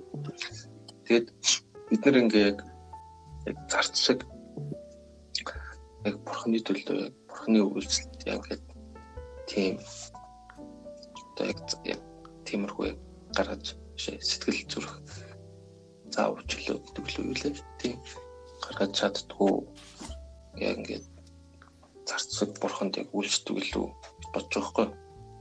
Тэгээд ерөөхдөө бол ингээд яг бид нар бурханы зарц болно гэдэг нь болохоор яг өөртөө хянах хэрэгээс татгалзаж бурхан хизээ хүссэн цагт ажиллаа хийж болохоор өөрийн амьдралыг өргөнө гэсэн үг юм аа. Яг ингээд бурханы төлөө яг ингээд өөрийгөө өргөж гинэ гэсэн үг байхгүй. Яг өөрийнхөө үйлс зориулна гэдэг байна. Тэгээд дараагийн хоёр дахь дүр төрөх хандлага маань болохоор ингээд итгэмжит зарц бусдын хэрэгцээг хардаг. Энэ маань юу гэсэн үг вэ гэхээр одоо ингээд зарц яг хизээд хин тусламж хэрэгтэй байна хаана би очих уу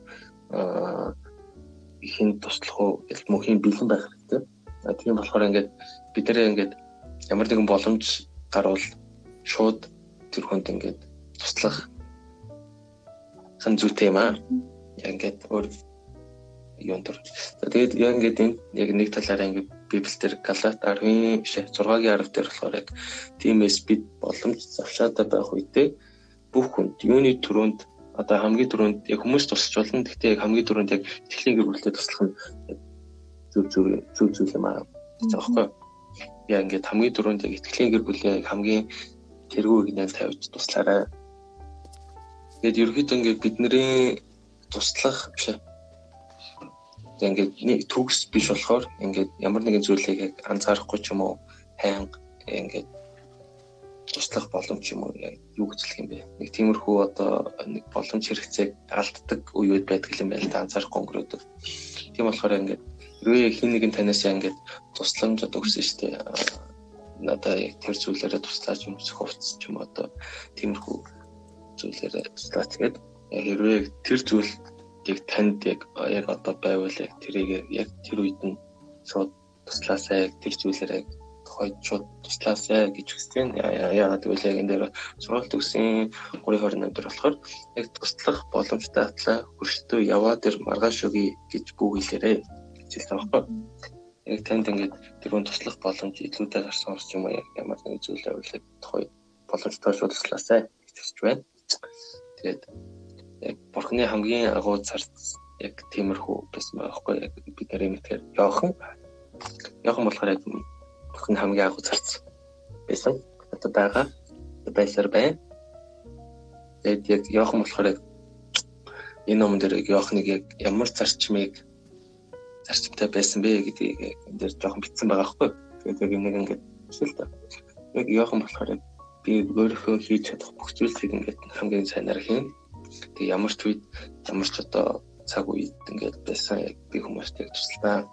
Өчүүхэн зүйлийг ч одоо өчүүхэн зүйлээ өчүүхэн ажлыг ч гэсэнтэй одоо ингээд агуу том бурхны ажил мэт ингээд тууштай их болно. Иймэрхүү ерөөхдөө ингээд зарцмаар ингээд бурханд үйлчлдэг бурхны зарцсан байгаа байхгүй. Тийм болохоор бид нар яг яохан шиг байгаасаа гэж байна. Ээ яохан за тэгээд ингээд гурав дахь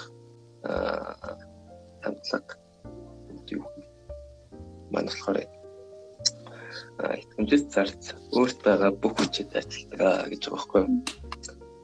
Энэ маань болохоор ерөөхдөө бол ингээл зарц зарц маань зарцнаар зарцнууд ингээд их ажил дээр ингээд шалтгаан тоочод байдгүй шүү дээ. Шалтгаан тоочод ингээд нөгөө эзэндээ зодуулдаг шүү дээ. Яг тиймэрхүү ингээд энийг хийж чадахгүй нэ маргаан шолч юм болчих гэдгүү. Тийм болохоор ингээд хийх ёстой зүйлийг тэр дээрүүд нь яг хийдэг. Яг энэ тал дээр болохоор Библиэл дээр ч гэсэнтэй яг хэлсэн байгаа байхгүй юу? Төгс цаг үеийг хүлээснээр юу ч хийж чадахгүй. Төгс 11-ийн 4 гэж байгаа байхгүй юу? Маань юу гэсэн үг вэ гэхээр яг хийх зүйлээ тухайн л яг хийгээсэй. Тэгээд хийж чадах чадлаараа хийгээсэй гэж хэлсэн. Хийгэрээ гэж яг бурхан хэлсэн байна. Тэгээд бурхан яг бидний хааж байсан өөрт байгаа бүхнээрээ бүх хүчээр ажиллан бүхний хийхийг хүсдэг. За бүхний яг нэг хүмүүс яг төгс төгөлдөр биш болохоор ингээд яг бурхан төрөх хэмжээгээр хийж чаддгүй мэл төгөр гэдэг. Тэгээд яг чадах бүхнэрээ хийж байгаа нэг бурханыг ингээд баярлуулдаг байхгүй тий. Өөрөө хамгийн чадхаараа л яг хичээгээд хийж байгаа нэг бурханыг яг баярлуулдаг байгаа. Тийм болохоор ямар нэгэн ажил жижиг сажигч байсан гэсэн яг яхаа шиг тий. Яг бурханы жижиг ажлыг гэсэндээ бурханы том ажил мэт ингээд хүлээж аваад тустай үйлчлээсэй гэсэн тий. Тэгээд ингээд зарим хүмүүс болохоор яг итгэвч одоо чуулганд явдаг хүмүүс ийм юмд үйлчлэхэд аргагүй байна ч юм уу би ямар нэгэн үйлчлэгч үлд одоо зориулагдаагүй юм уу яг тиймэрхүү байдаг. Зөвхөн онцгой хүмүүс ч юм уу яг бурханд үйлчлээ би зүгээр яг итгэж нэртэй явъя гэсэн бас бодолтой хүмүүс байдаг байхгүй. Яг энэ хүмүүс болохоор ингээд бурхан яг юу гэж хэлсэн бэ гэвэл аа яг хүмүүс одоо бидэнд яг сайн хийж чадахгүй бол тэрийг битгий хий гэж одоо хэлдэг шүү дээ. Аа Иесус харин ганц ч удаа тэгж хэлж байгаагүй. Яг бид нэр яг анх төрөхдөө бол юу ч хийж чаддгүй байсан. Бид нэр ингээд алдаанаас суралцаад ингээд ингээд ингээд сэлбэгдээд явж байгаа. Тийм болохоор ингээд ямар ч нэгэн хүн яг яг бүхний төлөө чаднаа. Тийм болохоор ингээд тууштай бүх хүч чадлаараа ажилладаг зарц байгаасай. Тийм. Тэгээд а итгэмжит зарцын дөрөв дэх зүйл маань болохоор яг бүх зүйлд өөрийнхөө адилханаар зориулдаг гэж байгаа байхгүй. А энэ маань ерөөхдөө бол яг юу ч хийсэн адилхан зүрх сэтгэлээр үйлсдэг нэг гэж байгаа. Жижиг ажлыг гэсэндээ те а энийг хийсэн чигээгүй ялгаа юу ах вэ юм уу? Яг тэгж бодохгүй. Том ажилтайч одоо нэг тиймэрхүү. Тэгээд яг энэ дээр болохоор ингээд юу вэ гэхээр яг жижиг сажиг ажил одоо ингээд хүмүүс нэг хийх дургүй штэ. Би ч гэсэн бас нэг хаяа жижиг ажил тоос мос сорох дээр ингээд аа исто нэрэмэрэ гэж боддогхгүй. Тэгээд энэ дээр болохоор ингээд Иесус яг хүмүүсийн аарсаар аарсаар гэх аарсаар хийдэг одоо хийх дургүй ажлыг гэсэндээ яг нэг дэлхийд дэвс үедээ хийжсэн одоо хөл угаах те нөгөө дагалт дагч нарын хоолыг ууцтай. Яг тэр ажил тэгээд хүүхдүүдийг асрах тэгээд юу А тэгээ өглөөний хоол бэлдэх, өвчтөнийг асрах яг иймэрхүү ажлуудыг тэрээр хийдэг байсан. Тэгээд яг тэгээ Есүс шиг нэг тийм одоо агуу гайхалтай хүн яг ийм ажил хийжсэн гэж бодохоор одоо бид нэр бас ингээд жоохон эцмээр байгаа байхгүй тэгээ санаа зовох хэрэгтэй. Тэгээд яг ингээд Есүс яг энэ зүйлээрээ юу хэлж ийсэн бэ гэхээр яг тийм яг яг хүмүүс хараад яг над шиг яг ингэж үйлчлэлээсээ гэж хүссэн байгаа. Тэгээд яг жижиг сэтгэл ч гэсэндээ ингээд яг одоо жижиг л биш ээ. Жижиг ажил ч гэсэндээ ажлууд үйлчлэлүүд а тийм яг тийм нөө тийм биш. Жижиг үйлчлэлүүд а тийм зарц хүний сэтгэлийг ингээд илэрхийлдэг байгаа байхгүй. Тэгээд ингээд энэ маань яг нэг талгаар болохоор яг нэг одоо бурхны амар том одоо төлөвлөгөө байдаг штэ. Одоо хүмүүс зориулсан. Одоо яг одоо миний төлөвлөгөөний яг төлөвлөгөөний зориулсан яг бурхны төлөвлөгөө гэдэг нэг нэг том юм байлаа хөл юм. Тэгээ тэрийг хаяа бурхан ингээд зүсээд жижигэн жижигнэр явуулдаг гинэ. Ингээд. Тэгээд яг тэр зүйлүүдийг ингээд бид нэр жижигэн зүйлүүдийг яг жижигнэр нь биш яг чин сэтгэлээсээ хүлээж авах хэрэгтэй. Тэгээд заримдаа ингээд тэр жижигхэн асуудал ч юм уу жижигхэн үйлчлүүд нь яг хүмүүсийн амьдралыг өөрчлөх өөрчилдөг өөрчилдөг байгаа хгүй. Тийм болохоор ингээд бид нэр яг жижигхэн томлолтгүй ажиллагааны сэтгэлээр үйлчлдэг зарцнаар баймаар байна. За тэгээд кавт болохоор бэвстэй өөрийнхөө үйлчлэлд үнэж байдаг байгаа хгүй итгэмжид зарц. За энэ маань болохоор яг зарцнаар болохоор яг өөрсдийн ажлыг өөрсдийнхөө ажил гүйцэлдүүлж байхдаа гээд өөрийгөө бүрэн золиослдог бүхний зориулдаг гэсэн үг байгаа юу. За энэ дээр болохоор ингээд энэ маань нэг зүйлийг хэлж байгаа байхгүй. Энэ маань болохоор итгэмжтэй байдал гэдэг одоо үнэнч зан итгэмжтэй байдлыг илэрхийлдэг. Яг энэ дээр болохоор Библиэлд яг дуулын 12-ын 1 сургаалт үгс 26 Филиппой 2-ын 19-с 22 дээр ингээд зарим зарим ишлэлээр энэ талаар дурдсан байгаа байхгүй. Тэгээд яг ингээд бусад ингээд хүмүүст тэ одоо миний яг үйлчлэлээр яг би ингээл Магдалины бэлтгэлтэй гэл явж байгаа үед ингээл тэ маа найзууд ингээл бас чи бэлтгэлтэй юм уу? Хамт одоо тэ тоглолтоо монгол хэлдэг юм уу? Бас би бас ингээл нэг нэг талын ингээл нэг цолоос өөрөөсөө нэг хөрх юмтан гаргасан байгаа байхгүй юу тийм? Би магтаалан бэлтгэлтэй байж чадахгүй явлаа мовлаа гэд. Тэгээд яг ингээд яг ингээд энэ дээр болохоор ингээд би бас хаяа ингээд бодож байгаа байхгүй юу тийм? Хаяа ч гэсэн энэ ном дээр болохоор ингээд тэгээд бусад хүмүүс ингээд таны зөвлөөс нэтгэх болов уу юм ба тэгээд таны зөвлөөс гарах чаар одоо мэдчих болов юм уу? Аа тиймэрхүү бодлоо бас төрдөг энэ болохоор яг ерөөдөө бурхнаас авч байгаа нэг төрлийн шалгалт юм байна. Тэгээд яг хэрвээ бид нэр энэ шалгалтанд A явбал шүү дээ. A+ A+ авал Абрахам, Мосе, Самуэль, Давид, Даниэл, Тимот, Паул нэртэй адилхан хэмжээнд хүрэх нь байна. Үу яг энэ хүмүүс ч ингээд яг бурхны хамгийн шилдэг итгэмжид зарцнаар шүү дээ. Бид нэр ингээл амар амархан байгаа байхгүй юу? Өөрийнхөө үйлсд үнэнч байгаа л Авраамтай адилхан болох юм байна шүү дээ. Яг тийм болохоор ингээд өөрийнхөө үйлсэлд их тууштай үнэнч байгаасай гэж хүсэж байна. Яг энэ дээр болохоор яг нэг стил надад их гоё санагдсан. Энэ болохоор Матай 25-ын 23 дээр болохоор сайн байна, итгэмж сайн боол мэд. Чи цөөн юмд итгэмжтэй байсан тул чамд ихийг хариуцуулъя эзнийхэн баяр баясгаланд ор гэлтэж байгаа байхгүй юу. Яг энэ маань болохоор тэгээ ингээд бид нэрээ ингээд ямар нэгэн үйлчлэлд үнэж байснараа тэгээ ирээдүйд авах шагнал маань нэг тэр ирээрээ байх болно. Тэгээ би одоо дивач нөхцөл алтан өрөө мөр шоох юм шиг байгаа юм. Нэг тийм их байна. Яг тэгээд яг ийм байна. Тийм болохоор яг та бүхэн яг үйлчлэн чагаас яг зүстэй. За хамгийн сүүлийнх сүүлийн 6 дахь яг итгэмжид зарцын хандлага дүр төрхийг бүгдээрээ мэддэг. Энэ маань болохоор яг эцэгцэс зарц дорд байдлыг хадгалдаг аа гэж байгаа байхгүй. Энэ маань энэ яг энэ зам маань над миний хувьд их чухал санагдсан. Юу вэ гэхээр яг зарц хүн яг өөрийнхөө өөрийгөө тийм би мундаг шүү, би гоё шүү, би ингээл нэг бусдын төлөө бусдад нэг гоё санагдгаал санагдахын төлөө үйлчилж байгаа биш харин яг ингээд даруй төлөвөөр бие биенийхэн төлөө үйлчдэг байгаасаа байдаг. Тэгээд энэ яг ерөөхдөө бол энэ дээр ингээд Паул хийсэн байгаа байхгүй.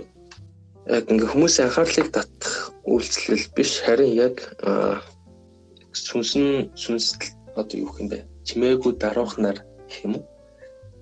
одоо үйлчлэх үйлчлэгийг Паул болохоор яг харцаар үйлчлэх үйлчлэл гэдэг хэлсэн байгаа. Эфес 6-гийн 6 Колосе 3:22 дээр байгаа байхгүй юу. Тэгээд энэ дээр болохоор Иесус та нар хүмүүст харуулахын тулд тэдний өмнө зөвхт байдлаа үлдэхээс сэрэмжлэх тун. Яг энэ болохоор яг юу гэсэн үг вэ гэхээр хүмүүст амар гоё байдал харуулах гэдэг шүү дээ. Би тэгж шүү, би ингэж шүү гэд тэгвэл ис тэгвэс тэнгэрдэг эцгээс тань та нар чагнал олдохгүй хөргий зайлвал хөсөр хаягдах нь шүү дээ. Яг энэ Матагийн 6-гийн 1 дээр ингэж хэлсэн байна. Аа тэгээд яг дараагийн нэг чухал зүйл болохоор яг өөр өөрө бахарх сэтгэл ба зарцын сэтгэл хоёр хоорондоо холилдох учиргүй гэж юм яг жинхэнэ итгэмжийг зарцснаар бусдаар ингээд магтуул загтуулахын төлөө юм хийдгүүл юм байна л да. Яг хүний төлөө үйлчлдэг. А тэгээ Паул болохоор энэ тал дээр болохоор хэрвээ би идүүгээ хүртэл хүмүүсийн сэтгэл нийцүүлсээр байсан бол би христийн бол биш байх байсан. Галаат 1:10 дээр ингэж хэлсэн байгаа. Тийм болохоор бид нэр бурхны төлөө амьдарч байгаа зарц нар юм аа. Тэгээд яг итгэмжит зарц нарыг одоо энэ нэг амар гоёор хэлсэн байгаа байхгүй юу? Вэ? Итгэмжит зарцыг нүд гэлтэн хурц гэрэлд ороос олж чадахгүй.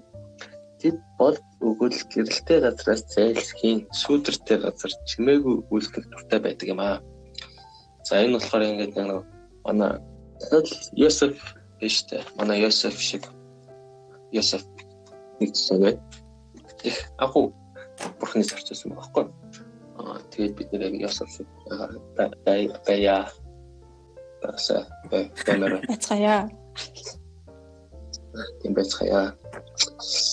За тэгээд яг дараагийн яг нэг чухал зүйл маань тэгээд нэрээ одоо бид ингээд тэгээд би үйлчлэж гин би тэгж гин гэлгүй яг ингээд бурхны өмнө үйлчлэл ингээд тэгээд одоо сүүдэр сүүдрээс үйлчлэл бид нар ингээд илүү санал авах шүү авнаа бид нар гэсэнтэй ингээд хүн биднэрт илүү санал өгөх болноо.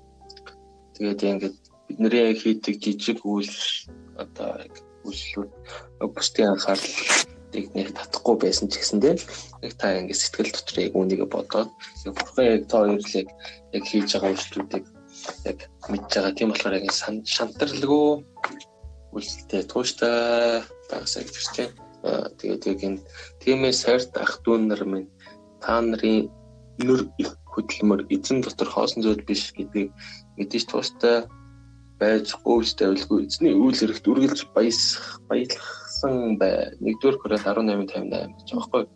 Тэгээд өнөр эзний сайн зарц байя. Тэгээд яг яг эндээс нэг яг энэ номон дээр нэг асууж байгаа нэг асуулт байгаа. Энэ маань болохоор яг тэмцэл зарцын 6 төрлийн төр төрөөс хамгийн их тэмцэж олж авах ёстой аль нь вэ гэсэн асуулт байгаа байхгүй. За тэгээд яг би энэ асуултанд болохоор яг ерөөхдөө яг энэ асуулт яг юу вэ гэхээр итгэмжид яг 6 дахь төр төрх нь яг ингээд хамгийн их тэмцэж олж авах. Одоо цан чанар гэх юм уу. Итгэмжтэй хүний төр төрх юм шиг санагдсан. Яа одоо гэвэл яг тэг яг хүмүүс яг алдар нэрийн төлөө их явдаг. Тэг өөрийгөө их золиослох, золиослох. Тэг энэ их их золиосоор олдох одоо итгэмжтэй зарчим доктор гэсэн надад санагдсан. Тийм болохоор яг би энэ асуултанд хамгийн сүүлийн доктор болох итгэмжтэй зан дорд байдлаа хадгалдаг гэдэг зүйлийг яг хамгийн чухал тийм зарцын зан юм болов.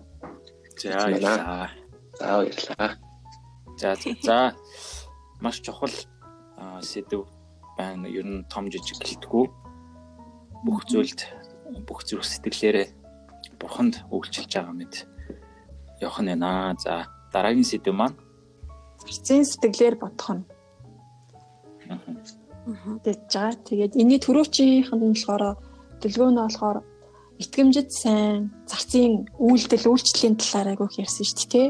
Тэгээ яг тэрний тэрнтэй ерөнхийдөө ойролцоо. Тэгтээ тэгж итгэмжид сайн зарц шиг үйлчлэхийн тулд бидний зүрх сэтгэл, бидний бодол бас ямар байх вэ гэдэг талаар энэ бүлэг дээр ярина. Тэгээд товчхон хэлэх юм бол үйлчлэл нь ерөөхдөө бидний зүрх сэтгэлээс эхэлдэг.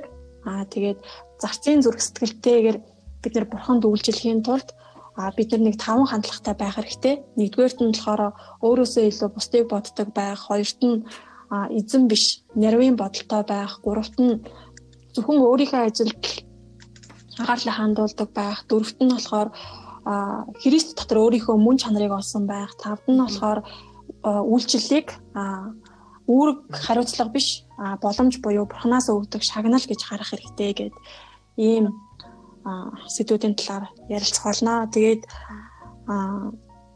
ерөнхийдөө өмнөх зарилгуудыг уншаад бас тайдын ярьсан зүйлүүдээс ингээд сонсох үед ойрд миний сурж байгаа зүйл болохоор түрүүжийн сэдвүүдээр ярьсан шүү дээ нөгөө бид нар нөгөө ямар мэрэгжил сонгох уу юу хийх үү гэж амар их бодол болдог. Тэнгүү заримдаа бурхан чимээг болчдөг тий. Тэгсэн чинь бурханы хувьд болохоор бүх мэрэгжил бүх зүйл сайхан харин хүмүүс бид нар л өөрсдөө энэ мэрэгжил сайн энэ мэрэгжил тийм гэж боддог болохоос биш Бурхны өмнө ямар зүрх сэтгэлээр хийж байгаа вэ? Тэр хандлага, тэр зүрх сэтгэлэл чухал гэж сурсан шүү дээ тий. Тэгээ яг энэ бүлэг дээр ч гэсэн бас яг адилхан Бурхан бидний ингээ юу хийж байгааг биш харин яагаад хийж байгаа юм те юуны төлөө хийж байгаа юм гэдэгт нь Бурхан илүү анхаарал хандуулгаа гэд хэлж байгаа байхгүй юу? Тийм болохоор зүрх сэтгэлээсээ хийж байгаа бүх зүйлс маань л Бурханыг баярлуулдаг. Тэгээд түрүүн төлгөөнөө бас хэлсэн шүү дээ. Ерөнхийдөө бол нөгөө том үйлчлэл, жижиг үйлчлэл гэж байхгүй ч гэсэндээ хүмүүс арай нэг олонний нүдэн дээр байдаг ч юм уу, арай амжилттай явж байгаа ч юм уу нэг том үйлчлэлүүдийг хийхдээ магадгүй зарим нь амар баяртай тий. Эсвэл зарим нь би яагаад энэ хүмүүс шиг үйлчлэл хийж болохгүй би иймэрхүү юм хийгээд байна гэж өөрийгөө голох тохиолдол байхыг ч үгүйсэхгүй бас тийм зүйлүүд байдаг шүү дээ тий. Тэгэхээр том жижиг үйлчлэл гэж ер нь бурхан ялгаж хардаггүй зөвхөн би тэрэнд ямар хандлагаар үйлчилж байгаа вэ гэдгийг бурхан айгүй хардгаа гэд энэ зүйлийг номон дээр бас сурсан байна. Тэгээд а Библиэлд Амазия гэд хаан байсан юм байна л да. Тэгээ тэр хаан нөгөө Бурхны хайр ивэлийг алдсан нэг шалтгаан нь болохоор Бурхны өмнө зүвийг хийсэн. Гэхдээ бүх зүрх сэтгэлээсээ үйлдэггүй гэж байгаа байхгүй юу? Саул ч гэсэн бас тийм байдаг штэ тий. Бурхны өмнө дуулууртай юм шиг байсан. Гэхдээ бүх зүрх сэтгэлээрээ дуулууртай байж чадаагүй. Харин Давид болохоор Бурхны бүх хүсэлд яг бүх зүрх сэтгэлээсээ дуулууртай байсан. Тийм учраас Бурхан Давидэд маш их хайртай байсан. Тийм болохоор бидний үйлчлэл зүрх сэтгэлээс хэлдэгэ гэд хэлж байгаа. Аа тэгээд за эхлээд нөгөө биднэрт Бурханд зарцын сэтгэлээр үйлчлэхийн тулд таван хандлага те таван тийм бодол байх хэрэгтэй биднэрт. За эхнийх нь болохоор а зарц нь өөрөөсөө илүү бусдыг боддгоо гэж хэлсэн байгаа. За тэгээ энэ нь болохоор даруй зүрх сэтгэлээр ингэж бусдын бусдын талаар бодох, бусдын хэрэгцээг олж хараад үйлчлэх. Тэгээд энэ нь болохоор өөрийгөө дорд үзэж байгаа ч юм уу тийм асуудал биш. Дорд дорд үзэх гэдгээс ялгаатай. Харин өөрийнхөө талаар арай илүү багыг бодож бусдын талаар илүү бодож анхаарал тавина л гэсэн утгатай. Аа тэгээд бид нар нөгөө яг ингэж боолын зураг сэтгэлэл сэтгэлээр үйлчилсэн тэр тод жишээ бол Есүс өөрөө тэгээд Филиппон номон дээр нөгөө хэлсэн байдаг Есүс өөрийгөө хоосолж боолын дүрийг авч хүнтэй адил болсон гэд тэгсэн байгаа. Тэгэхээр бид нэр өөрсдийн бодол өөрсдийн хүсэл те тэр зүйлсүүдээ бас хоосолж ийж бусдын төлөө үйлчлэх тэр зүрх сэтгэл илүү их гарч ирдгээ гэж хэлсэн байгаа. Тэгээд ер нь зарч шиг тийм боол шиг хандлагатай үйлчлүүд хийхин хамгийн том саад нь болохоор одоо бидний нөгөө өдөр тутмын амьдрал тий үндсэн амьдралын төлөөх төр тэмцэл санаа зовнилууд амар их нөлөөлдөг. Тэгээл түрүүн хэлсэнчлэн бид нар угаасаа л нөгөө амиа бодсон эсвэл ер нь л ийм дээгүр байх те бусдаас дээгүр байх ч юм уу эсвэл нэг юм бурхан шиг болох юм юм сатаны те бодол ер нь хүн дээгүр л амжилттай л явчмаар байна шүү дээ те тэр бодлууд нь ингээд биднэрт ингээд заримдаа юм зарч шиг зүрх сэтгэлээр үйлчлэхэд айгууг саад болдог. Тийм болохоор энийгээ бид нэр даван туулах хэрэгтэй. Ер нь дахин дахин суралцах хэрэгтэй.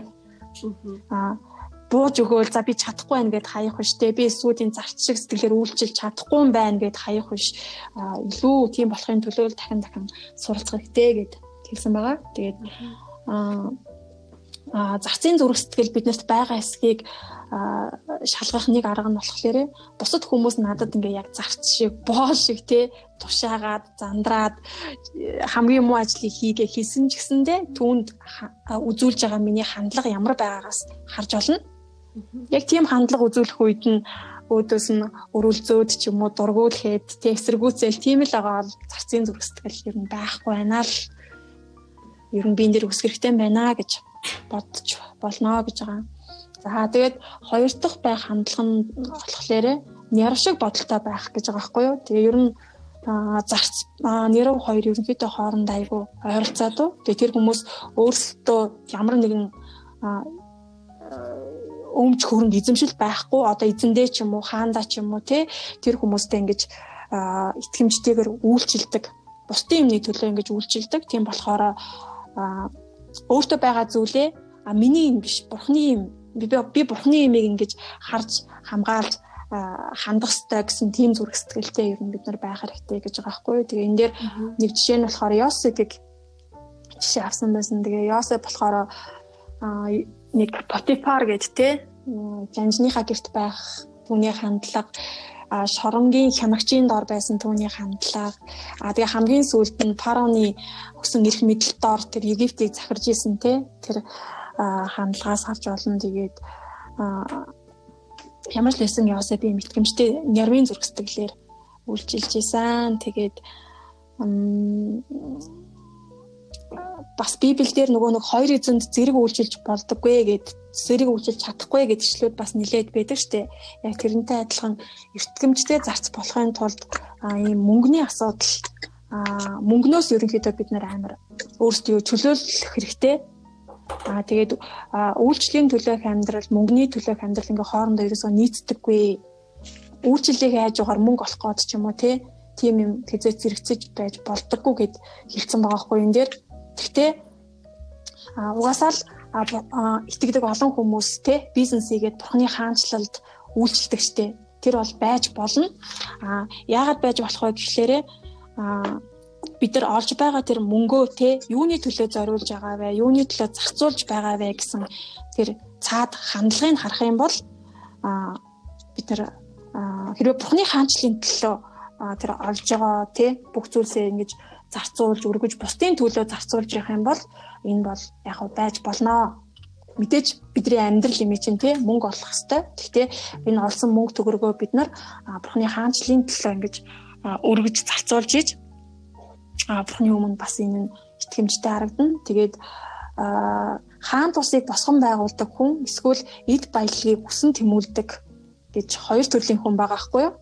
Тэгэхээр хаан тулсын төлөө гэдэг нь болохоор бурхны хаанчлал те тэрний төлөө явдаг хүн а нөгөөх нь болохоор эд баялагын төлөө явдаг хүн хаан тулсыг босгон байгуулдаг хүн нь болохоор эд баялаг олж болно гэтээ түүнийг олохлоорэ бурхны хаанчлалын төлөө илэг зарцуулдаг аа гэж хэлж байгаа. Тэгээд би өмнө нэг нэг ярилцлага сонсч ирсэн юм аа.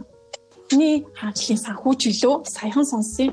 Тэгсэн чинь тэрэн дээр болохоор би яг уншиж чадахгүй байна. Генс гинөө мэдгүй ямарсан нэг л харж исэн гэ пип байгаа байхгүй юу? Нэг сонсч исэн пип тэр нь болохоор Английн нэг алдартай пип.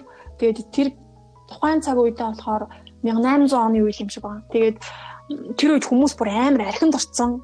Бүр хаасаагүй амар арх архиудаг. Тэгээд тэрийг харж байгаад нэг гэр бүлийн хүмүүс аа мэдээж шууд бүх хүмүүсийг арх уухгүй болгож чадахгүй. Тийм болохоор энийг ингээд орлох зүйл хий гэж бодоод тэгээд нөгөө хүмүүс арх уухлаарээ яг нөгөө хоол хүмсч идэхгүй те. Тэгэл бүгд ингээд ядраал, шартаад эрүүл мэнд нь амар муу болж исэн. Тэнгүүд а яг адилхан ингээд хоол хүнсээж авч болдог. А бас мөн ингээд архины хэрэглээг ингээд жоохон орлуулах боломжтой юу байж болох уу гэж бодож жагаад анх ПV-г зохион би пивийг бодож олж хийсэн юм байна л да. Талхыг ингэж бүр амар хэсэгж жагаад тэгээ хүн тэр пивнаас нөгөө шимдэж ялаж аав. Тэгээд бүр амар хайр хуухгүйгээр ингээ багсаад явна. Одоо тэгээд англичууд ч юм уу ерөнхийдөө архины хуудаггүй те яг өдөр тутмын хоол унд дээр пив хэргэлдэг мөртлөөсөө тэгэж амар контрол алдтал бол уугаад байдаггүй. Тэгээд тэр хүмүүс тэр пивийг үйлдвэрлэсэн тэр ашиг орлогоор одоо хаацсан тейлер гэдэг байгаа шүү дээ илгээлт эзэн те тэр хүмүүний илгээлтийн ажлыг ингээд дэмжижсэн гэд ярьжсэн байхгүй юу тэгэхээр ер нь бол би анх удаа юм чиг сонссон байхгүй итгэж хүмүүсийн пив хийгээд тэнгүүтээ бүхний хаанчлалын төлөөгээд энэ чинь тэгээ нэг бодлоор бас нэг амар том асуудлыг шийдвэрлэж өгсөн байгаа сте тий бүр тэр архитектыг зогсоож өгсөн яг ингээд тодорхой юм хэмжээнд нь барьж өгсөн. Тэгээд олсон орлогоороо бас илгээлт эздэг дэмжижсэн гэд. Тэгээд хэлжсэн. Тэгэхээр яг хөө бид нар бас ямар нэгэн зүйл хийх үедээ тэр зүйлсүүдийнхээ олон тэр орлого ашгаараа бүхний хаанчлыг дэмжээ явах хэрэгтэй. За тэгээ гуравт нь болохоор ер нь өөрийнхөө ажилд анхаарлаа хандуулдаг гэж. Түрүүн насаа шүү дээ. Хүн нөгөө гүйлтийн зам дээр гүйж байгаатай адилхан хүн болгоны хүүх зам өөр. Тийм болохоор ингээ өөр хүнийг харангуудаа тэр одоо ямар амар хол гүйж байна ч гэдэг юм уу те. Тэгэж харах биш. А бас бусдтай өөрийнхөө хийж байгаа үйлчлэлийг ингээд харьцуулах биш. А яг ингээд бурхан надад яг ямар зүйл өгсөн бэ? Том жижиг гэлтгүү те тэр зүйлд анхаарлаа хандуулаад тэрэндээ л ингээд төвлөрөөд явах хэрэгтэй гэж хэлсэн байгаа. Тэгээд хүн болгон өөр өөр өөрийн онцгой дүр төрхтэйгээр бүтээсэн онцгой өөр өөр авьяасыг бурхан биднэрт өгсөн дуудлагыг өгсөн. Тийм учраас бусдын нүдэнд тий эсвэл өөрийнхөө нүдэнд ч ингээд бусадтай харьцуулахад ингээд жижигхэн зүйл хийгээд байгаа юм шиг тий миний үйлчлэл ингээд яг олон хүнийг хамрахгүй байгаа юм шиг санагдсан ч хамаахгүй яг тэр зүйл дээрээ ямар ч лсэн итгэмжтэйгээр үйлдэх хэрэгтэй гэж хэлсэн байгаа. За дараа нь болохоор Христийн дотор өөрийнхөө мөн чанарыг олж мэдэх хэрэгтэй. Ингээ яг өөрийнх нь одоо миний үйлчилж байгаа үйлчлэл ямар чухал вэ гэдгийг ингээ хүн ингээ тодорхой ойлгосон тохиолдолд өөр бусад хүмүүсийн хэлж байгаа ярьж байгаа зүйлийг ингээд тоохгүйгээр үйлдэж чадна гэж байгаа байхгүй юу? За энэ дээр жишээ нь Есүс түрүү нөгөө 12 шавийнхаа хөлийг угаасан шүү дээ тий. Ер нь хүмүүс бол тэгэл хойморд суугаал, дайлуулаад, хүндлүүлээл тий. Тхийг л хилүүд үзэн шүү дээ. Харин Есүс болохоор 12 шавийнхаа хөлийг нь угаасан. А тэгвэл зарим нь болохоор энэ одоо хүмүүсийн хөлийг угаагаад тахлаа яа гэм би гэдэг юм уу те хажуугаас нь бас тэгж хэлж болно. Тэгтэл Есүсийн дотор болохоор амар тийм хөлийг угааж байгаа түүний шалтгаан маш тодорхой. Яагаад гэх юм бол Есүс эцгээсээ ирсэн. Тэгээд буцаад эцэг рүүгээ явж байгаа. Тэгээд яагаад чанарын хөлийг угааж байгаа вэ гэдэг түүний хийх тэр үйлдэл нь өөрийнх нь дотор маш тодорхой байсан учраас юу ч бодлогогүйгээр ингэж шазим шанарынхаа хөдөөг угаасан. Яг түүнтэй адилхан бид нэр ингэж өөрсдийн үнцэн, мөн чанараа бурхан дотор ингээд яг олж чадах юм бол хинээс ч хамаарахгүйгээр ингэж үлдэж чаднаа. Тийм болохоор нэг хүн Хенри Наавн гэдэг хүн бас хэлсэн. Бусад хүмүүст үйлчлэхийн тулд тэднийг анхаарахгүй байх хэрэгтэй гэж хэлсэн байгаа байхгүй юу? Тэгэхээр бусдыг бас ингэж анхаарах зааж гар тийм нэг хасаад ямар ч өөрийнхөө ингээд үйлчлэх тэг зорилгыг тодорхой болгох хэрэгтэй. За тавт нь болохоор аа өөр биш боломж шагнал гэж харах хэрэгтэй гэдгсэн. Тэ тэгээд аа ер нь бурхныг хайрлаад бурхны өгсөн ивэл нэгүсэлд ингээд талархад талархаж ингээ үйлчилснээрээ нөгөө хамгийн утга учиртайгаар өөрийнхөө амьдралыг өнгөрүүлж байгаа гэдгийг мэдэх хэрэгтэй. Ямар ч лсэн чи утгагүй амьдраад байгаа биш ээ. Бусдын төлөө үйлчилснээрээ ямар ч байсан чиний амьдрал маш утга учиртай үн цэнтэй байгаа шүү гэдгээ мэдээж авах хэрэгтэй. Дараа нь болохоор бурхан биднэрт шагналуудыг амласан байгаа шүү дээ, тий.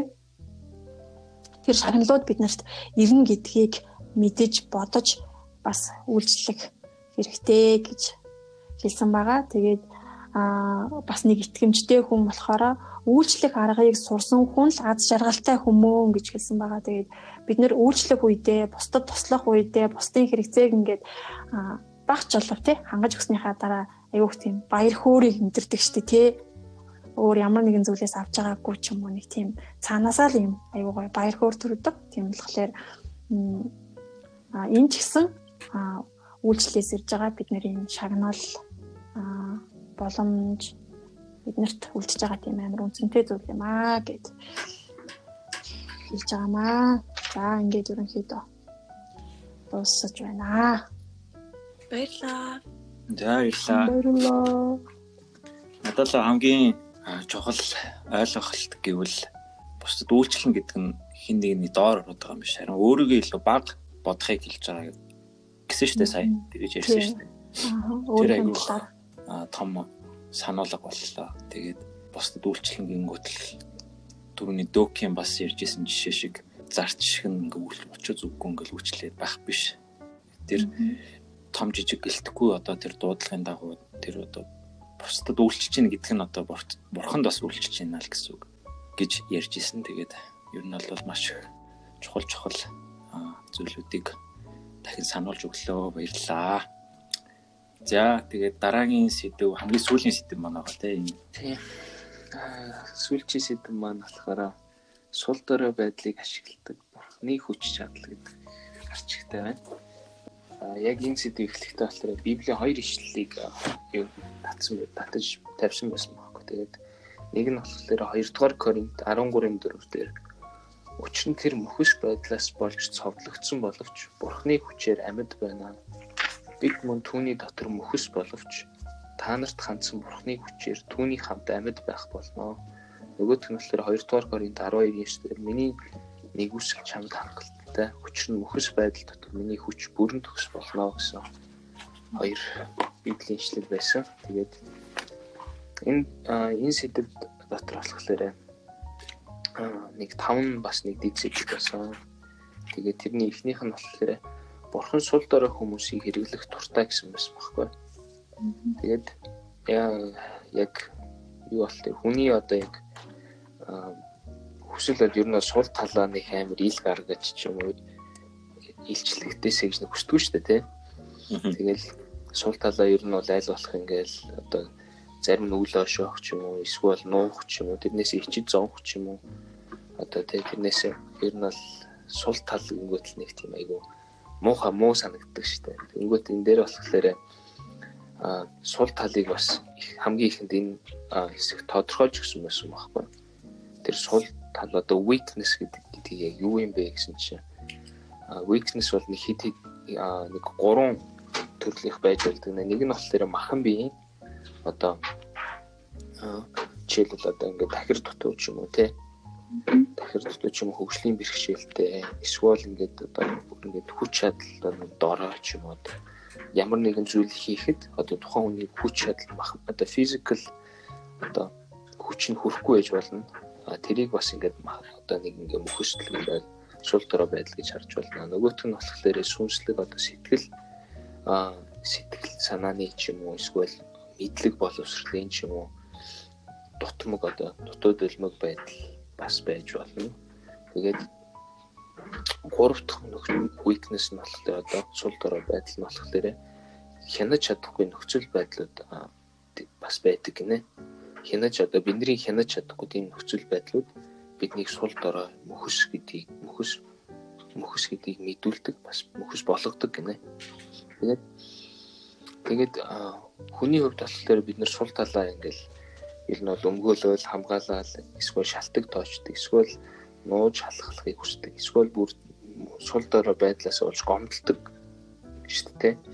Ингээл яагаад би юм юм шиг үү тэг гомдолдог тийм үе байдаг.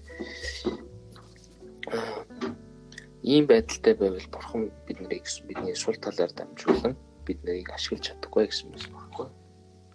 Тэгээд харин сул талыг маань бурхан харахтаа бурхан юу гэж харддаг. Бид нар болохоор за ингэж харж байна. Харин бурхан юу гэж харддаг гэнгүүт Йох Исаигийн 55:9 дээр болохоор миний бодол болон болон арга та нарынхаас хавгүй илүү гэж бичсэн байсан. Тэгээд энэ болохоор тэгээд бурхан бидний сул талыг болохоор ашиглахыг хүсдэг. Тэгээд бидний хардгаас хамаагүй өөрөөр хардаг гинэ. Тэгээд Тэгээд Паул илч болохоор 2 дугаар Коринт дээр Коринт 12-ын 7 дээр бас амар тал шуудлалын талаар өөрийнхөө ер нь илч өөрийнхөө ингээд мөхөслүүдийн талаар Библиэл дээр ингээд итгэгч нартай айгүй илэн далангуу хуваалцсан байсан л да. Тэгээд энийг хэлэхдээ сул тал гэдэг нь болохоор гим нүгэл биш эсвэл бузар мужил биш гэсэн юм байсан. Харин төрхөөсөө байсан өөрчилж болохооргүй хязгаарлагдмал байдлаа гэсэн байна. Тэнгүүтээ нэг мөхөслийг болох тэр бие махбодын хязгаарлагдмал байдвал сэтгэл сэтгэлийн хязгаарлагдвал байдал, мэдлэгийн хязгаарлагдвал байдал гэж гурваас нь дөрөв хэлсэн те. Тэр нь бас нөгөө нэг дотор нь гаслант одоо ингэ шарах ч юм уу те өнгөрсөн амсан шарах ч юм уу таагүй дурсамж ч юм уу зан чанарын дутагдал энэ төр байж болдог гинэ. Тэгээд зарим нөгөө тохиолдолд болохоор авиас чадвар ч юм уу бас чадваргүй байдал ч юм уу те. Одоо бүгд одоо хүн болгон ухаалаг амар гоц ухаантай байдгүй шүү дээ тий. Тэрэн шиг тэр нь бас ингээд нэг тийм хөсөл байж болдог. Гэвч эдгээр нь бурхан саад болтгоо гэсэн мэс биднийг ашиглахад. Тэгээд хоёрдугаар зүйл нь болохоор мөхөс байдлаа бид нэр хүлээн зөвшөөрч сурах хэрэгтэй гэсэн мөлий. Тэгээд бид нэр төгс төгөлдөр биш гэдгийг хүлээн зөвшөөрөх хэрэгтэй. зөвшөөрөх хэрэгтэй. Тэгээ бидний чад чадаж чаддаг ер нь мэддэг юм шиг царайлах царайлахгүй байх хэрэгтэй гэсэн. Царайлахгүйгээр илэн далангүй байх хэрэгтэй. Тэгээд тэр тусмаа сул талаа бүр илүү илрүүлэхийг хичээх хэрэгтэй гэсэн байлээ. Тэгээд эрүүл амьдрахад одоо тийм нэг хоёр зүйл хэрэгтэй гэсэн байна байсан л да. Тэр нь болохоор Матай номын 16-ын 16 дээр хэлсэн байсан. Нөгөөх нь болохоор Үйлс номын 14-ийн 15 дээр Паул хэлчихсэн байсан байхгүй. Тэгээд Петр болохоор та бол Христ амьд бурхны хүн мөн гэж хэлсэн гэж бичсэн байсан. Нөгөөх нь болохоор Үйлс дээр Паулийн өчлөл нь болохоор бид би та бид та нартай адил хүмүүс хүмүүс байна шүү дээ гэж хэлсэн байгаа байхгүй. Тэгээ энэ нь болохоор хамгийн ихэнд бурхан хинбэ гэдгийг мэдэх хэрэгтэй. Тэгээд бид нар өөрсдийгөө байр суурийг бас айгүй тодорхой мэдчих хэрэгтэй гэсэн юм. Бид нар зүгээр л хүн гэдгээ тий мэдэх хэрэгтэй. Харин бурхан бол бурхан гэдгийг хүлийн зөвшөөрөх хэрэгтэй гэсэн мэлээ.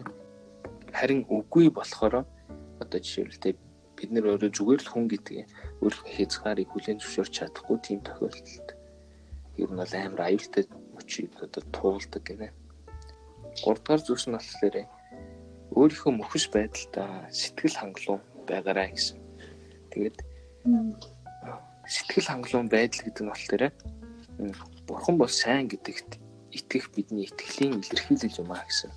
Тэгээд сэтгэл хангалуун одоо энэ сул талуудаар дамжуулаад яагаад бид нэр энэ сул талуудад түр сэтгэл хангалуун байх ёстой вэ гэвэл эдгээр нэг айгүй нэг хідэн айгүй бидний амьдралд одоо талархахгүй үр жимсийг бас бий болгож идэг. Тэр нь болохоор нэгдүгээрт бидэнд бурханд түшиглэх шалтгаан болдог гэнэ бидний сул талууд. Одоо бид нар өөрийнхөө тэ мөхөс хязгаарыг мэдүүлдэ бид нар өөрийнхөө хүч чадлаас илүүтэй дээгүүрх одоо тэ бурхны хүч чадалтай найдах түүнийг түүнд түшиглэх түүнээс гуйх тэгээд түүндээ итгэж найдах тийм одоо нөхцөлийг бий болгож идэг. Нөгөөх нь болохоор бид нар бид нарыг өөртөө бардамтахаас хамгаалж идэг гинэ. Одоо жишээл бид нар ингээд ямар нэгэн зүйлд ингээд хүрээд те бий болгоод амжилт гаргаад тэрэндээ ингээд бартаж багтаад те тэхээс бид нарыг хамгаалж идэг аа гэсэн мэсэн. Тэгээ Паул илч болохоор Паул илчд бас яг нэг ийм бас яг ийм одоо юмуд ийм өргөс буюу сул талууд байсан. Тэгээд энэ тэрээр хэлэхдээ энэ нь намайг өөрийгөө хит өгүүлэхин тулд намайг нудраглах сатаны илж ажээ гэж Библиэлд бас хэлсэн байсан. Тэгээд Библиэлд болохоор өөрийгөө хит өгүүлэхгүй байх амар хамгаалсан тийм юмнууд одоо үйл явдлууд байсан. Тэр нь болохоор Израильчууд нөгөө Гидеоныг бурхан Медианы эсрэг байлдаарэ гэж хэлээд Тэгэнгүүтээ тэгэнгүүтээ өөрсд 32 мянган Израиль цэрэг байсан. Яг байлдах гээд билэн. Тэрнийг бүр бурхан 300 болтол ингээ багсгсан. Харин дайсных нь цэргүүд тухайн 135 мянга байсан байгаа байхгүй. Тэнгүүд яг ингээд 450 хүн эсрэг нэг хүн тулалтахаар ингээд яг ингээд хуваарлалт гэж байгаа байхгүй. Тэр нь ингээд галт. Ер нь бол амар ойлгомжгүй бас цэвэр ялагдахаар ялагдах нь тодорхой зүйл байгаа байхгүй. А гэтэл энүүгээр дамжуулаад бурхан ойлгуулах гэсэн зүйл гэвэл тэ Израильчуудаараа би өөрийгөө те бид нар өөрөө өөрсдийг аварсан юм аа те бид нар хүч чадалтай байсан учраас хийсэн юм аа гэж бартамнаж өнгөрөх өнгөрүүлэхгүй тулд тэг яг бурхан бурханы хүч чадлаар бид нар энэ бурханы хүч чадлаар бид нар энийг хийсэн бурхан бид нарыг аварсан гэж хэлүүлэхийн тулд байсан юм аа гэж тэгэхээр хүслүүд биднэрт байдаг одоо тэр сул талууд хүслүүд нь бас нэг бидний одоо сайрах ёстой зүйл юм аа. Тэр нь биднийг одоо баалдамтахаас сэргийлж идэх харин яг бурхны тэр ажлыг харахад бас тусалдаг гэсэн юм. Тэгээ гурав дахь нь а итгэвч хүмүүсийн хооронд нөхөрлөлийг итгэвчүүлдэг гэсэн. Тэгэхээр нөхөс нөхөслөөр дамжуулаад одоо жишээлбэл бид нэр юуг ойлгохдаг вэ гэвэл а жишээлбэл бусдын а энэ дээр нэг амар гоё жишээ байсан нь Христ итгэгч чинь тус тустай ерөөсөө цасан ширхэг гэсэн байсан байхгүй. Одоо нэг Франс Хавнер гэдэг хүн одоо юу жишээ авсан байлээ л. Тэгээд Христ итгэгч хүн болгон цасан ширхэг. Тэр цасан ширхэг амар өчүүхэн те. Гэхдээ амар одоо нарийн бүтэцтэй маш гоё юмшиг. Гэхдээ нэгэн ширхэг цасан ширхэг харин бид нэр хамтдаа болохоор хамтдаа байвал бид нар одоо цасан хонгарыг үүсгээд тэр ч буюу л одоо тий замын хөдөлгөөний хүртэл ингэ зогсоох чадaltaй гэж хэлсэн байсан байна. Тэр амар чухал гоё юу лээ. Тэгээд а дөрөв дэх зүйл нь болохоор энэ мөхс бид нарт байдаг мөхслүүдээр дамжуулаад бурхан мөхслүүд нь бид нарт одоо бусдыг өрөвдөх өрөвдөх болон бусдад үйлчилж нөлөөлөхийг одоо бусдад үйлчлэх нөлөөллийг маань нэмэгдүүлдэг гэсэн юм шиг. Тэгээд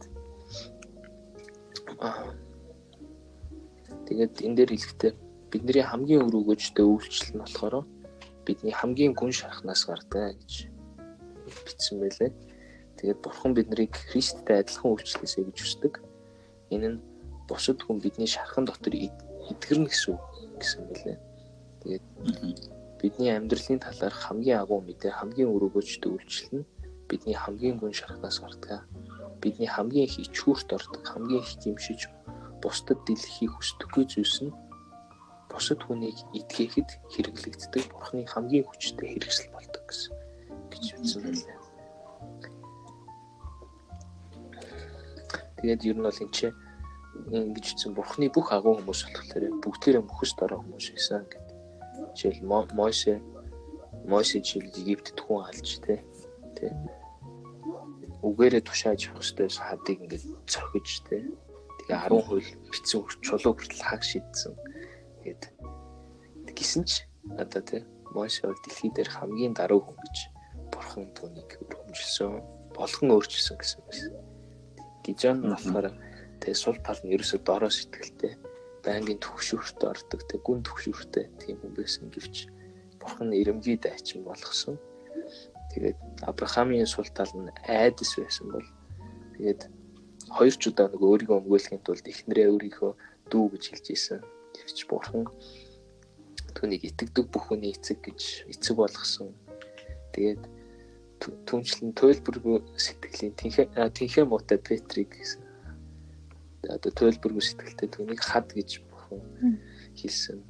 Тэгээд завхаарсан Давидыг бурхны зүрх сэтгэлийн дагуу хүн. Тэгээд Йоохныг хүртэлтэй ихэмсэг Тэнгэрийн дууны хөв гэдгээс Йоохныг хайрын илч болгосон гэдгсэн байсан. Тэгээд энэ эндээс юу гэж тодорхойлсон бэ? Бурхан бол сул дорой доройг хүч чадлаар сольдог мэрэгчлэн.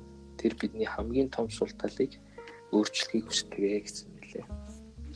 За тэгээд дөрөвдүгээр дижит нь болохоор сул талаа илэн далангуу хуваалцах хэрэгтэй гэсэн байсан. Энэ дээр болохоор Паулийн Паул элчийг жишээ болгосон байсан. Тэр тэр Ромд болохоор бүтлгүүдлүүдээ бас тэгээд мэдрэмжүүдээ гутарлаа айцсаа бүр ингээд амар олон ишлүүдээр Коринт шуулганд Ромын шуулганд ингээд бичсэн байгаа байхгүй. Тэгээд мөхөс дорой байдлыг болохоор сэтгэлээр дорой байдал нь сэтгэлээр чөлөөлөгддөг бүх зүйлээ илчиж дэлгэснээр сэтгэлийн дарамтаас салж айцаа арилгаж чадна. Энэ нь мөн эрх чөлөө рүү явах ихний үе шат билээ гэсэн сэтгэлээр ер нь бол дотроо байгаа тэр мөхслүүдээ бас илэн далангуу хуваалцах хэрэгтэй гэсэн.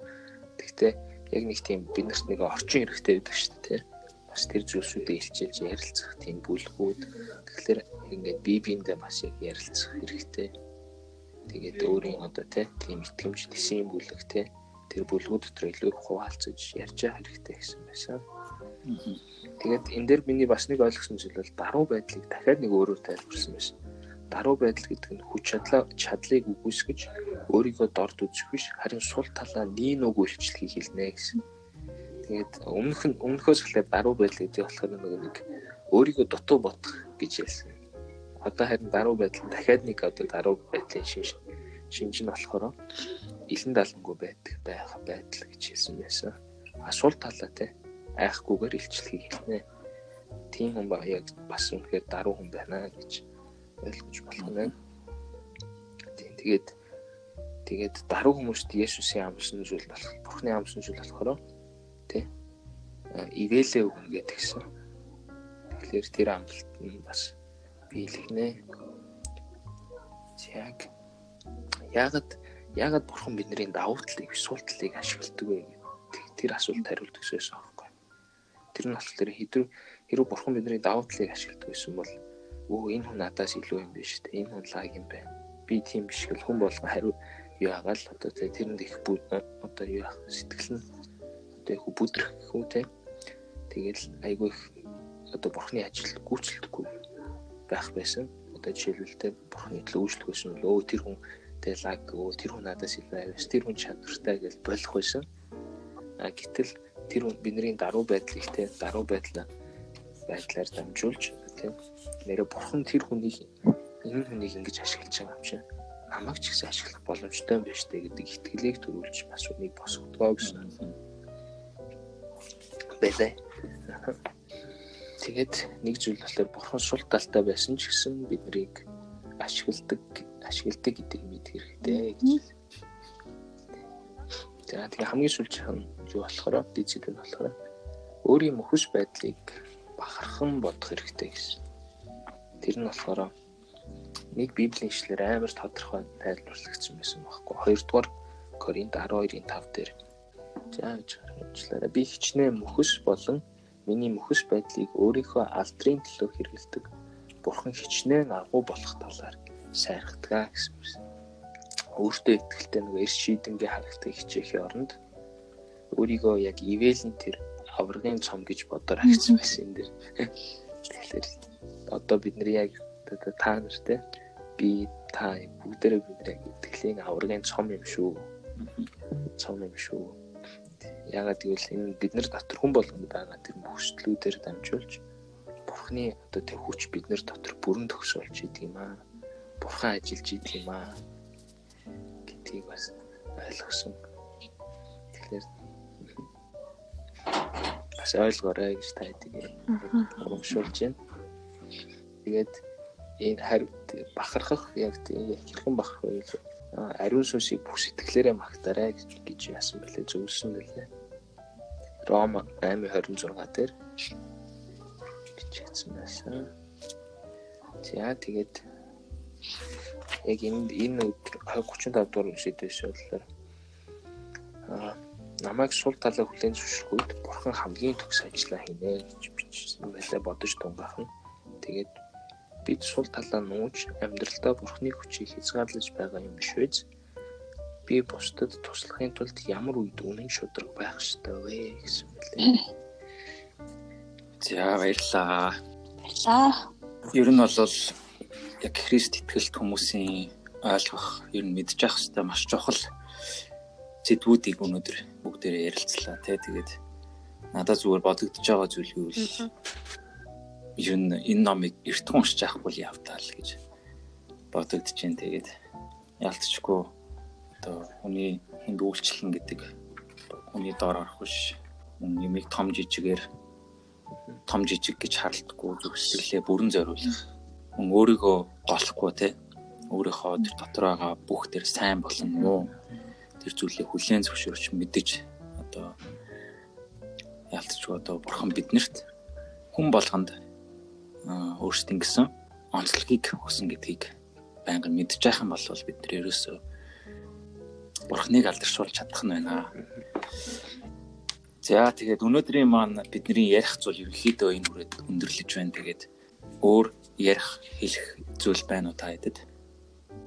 Ямар ч байсан бүгд яг бүгдээрээ хамтдаа яг энэ номыг бас ингээд уншиж судлах нь амар чухал юм байна гэж бодлоо. Яг л ганцаараа ингээд жишээл би тал ирээд уншихаа болчихсон байхгүй. Тэгээ ингээд хамтдаа уншаа та нарын ярьж байгаас ингээд сонсоод бас маш их суралцж байна. Тэгээ бас та нартай баярлалаа гэж хэлмээр байна. Баярлалаа. Дахиад өөр өөр гой гой номнууд унших хүсэл төрөөл. Тийм. Энэ энэ номоо уншиж дуусаад өшөө үргэлжлүүлээд өшөө зөндөө гоё ном уншина гэсэн төлөвлөгөөтэй байгаа. За тэгээд манай подкастыг Apple Podcast, SoundCloud, Google Podcast, Spotify гэсэн энэхүү платформудаар сонсож болно шүү. Бүгдэнд нь баярлалаа. Баяртай. Бидэнтэй хамт байсан сонсогчдоо бас баярлалаа. За тэгээ бүгдээрээ баярлалаа. Баяртай.